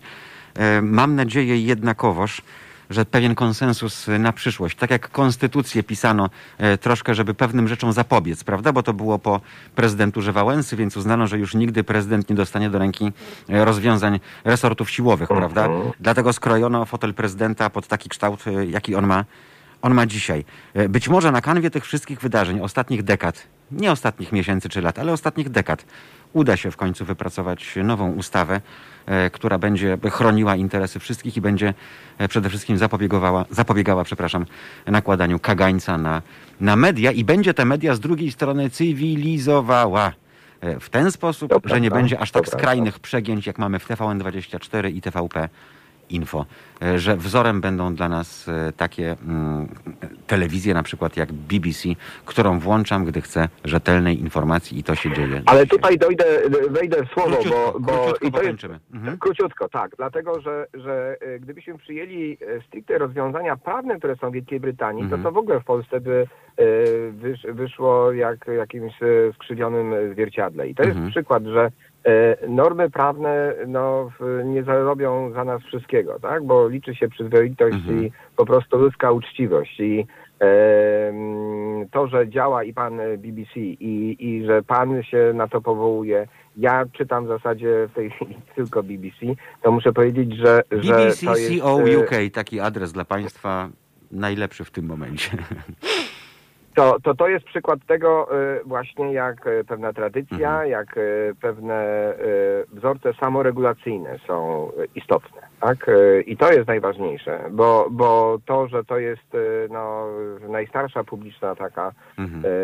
mm, rozgłośnia, no to to oczywiście wiemy. Natomiast też proszę pamiętać, że te, gdybyśmy przenieśli, czy skopiowali rozwiązania, to to by wyszło tutaj w, no, zupełnie opacznie, Mhm. tak? E, tak jak podobno w system e, Mhm. prezydencki amerykański nigdzie na Tak. świecie się w takiej postaci nie nie nie nie No bo z- dla nas wychowanych w kulturze europejskiej jest to po prostu śmieszne, prawda? I, e, Dokładnie. I tak moglibyśmy jeszcze długo, ale nie Ale możemy tam to długo. działa, tam to działa. Tam tak? to I działa. to jest właśnie ten duch, E, duch prawa. Dość powiedzieć, panie powinien- doktorze, że nie wiem, Top Gear nigdy by się nie ukazał w żadnej polskiej telewizji, bo obraziłby wszystkich i, i, i wszystko. E, I wiele innych programów telewizji BBC by się nie mogło ukazać na żadnej polskiej antenie, nie tylko telewizji publicznej, ale i wielu, ale i wielu komercyjnych. E, Na tym po, polega być może potęga e, tamtego systemu British Broadcasting Corporation, który pozostaje niedoścignionym wzorem. Bardzo, bardzo, bardzo dziękuję i mam nadzieję, że to nie była nasza ostatnia rozmowa. Pan profesor Jestem do dyspozycji. Jędrzej Skrzypczak. Bardzo się cieszę i, i trzymam za słowo. Mamy to na szpiegu. E, Pan profesor Jędrzej serdecznie. doktor habilitowany UAM, był Państwa i naszym gościem. To już wszystko dziś. E, I spo, spotykamy się, bo to dzisiaj piątek, weekendu początek, więc jutro spotykamy się nie o 7 rano, ale o godzinie 15. Bardzo ważne e, to będzie spotkanie, bowiem znowu a propos tego rozmowy z panem profesorem, kupa fake newsów dotyczących tego, że rząd zmienia prawo drogowe. Kompletna bzdura, ale niestety mamy do czynienia z dziennikarzami ciemniakami, którzy łykają wszystko jak pelikany w mainstreamowych mediach e, i działają na zasadzie copy-paste. My jesteśmy od tego jako medium obywatelskie, żeby Państwu e, w głowach rozjaśniać i e, tłumaczyć, co jest naprawdę zdaną rzeczą. Zapraszam sobota od 15 do 17. Mariusz Gzel za dziś. Dziękuję, do usłyszenia, do zobaczenia.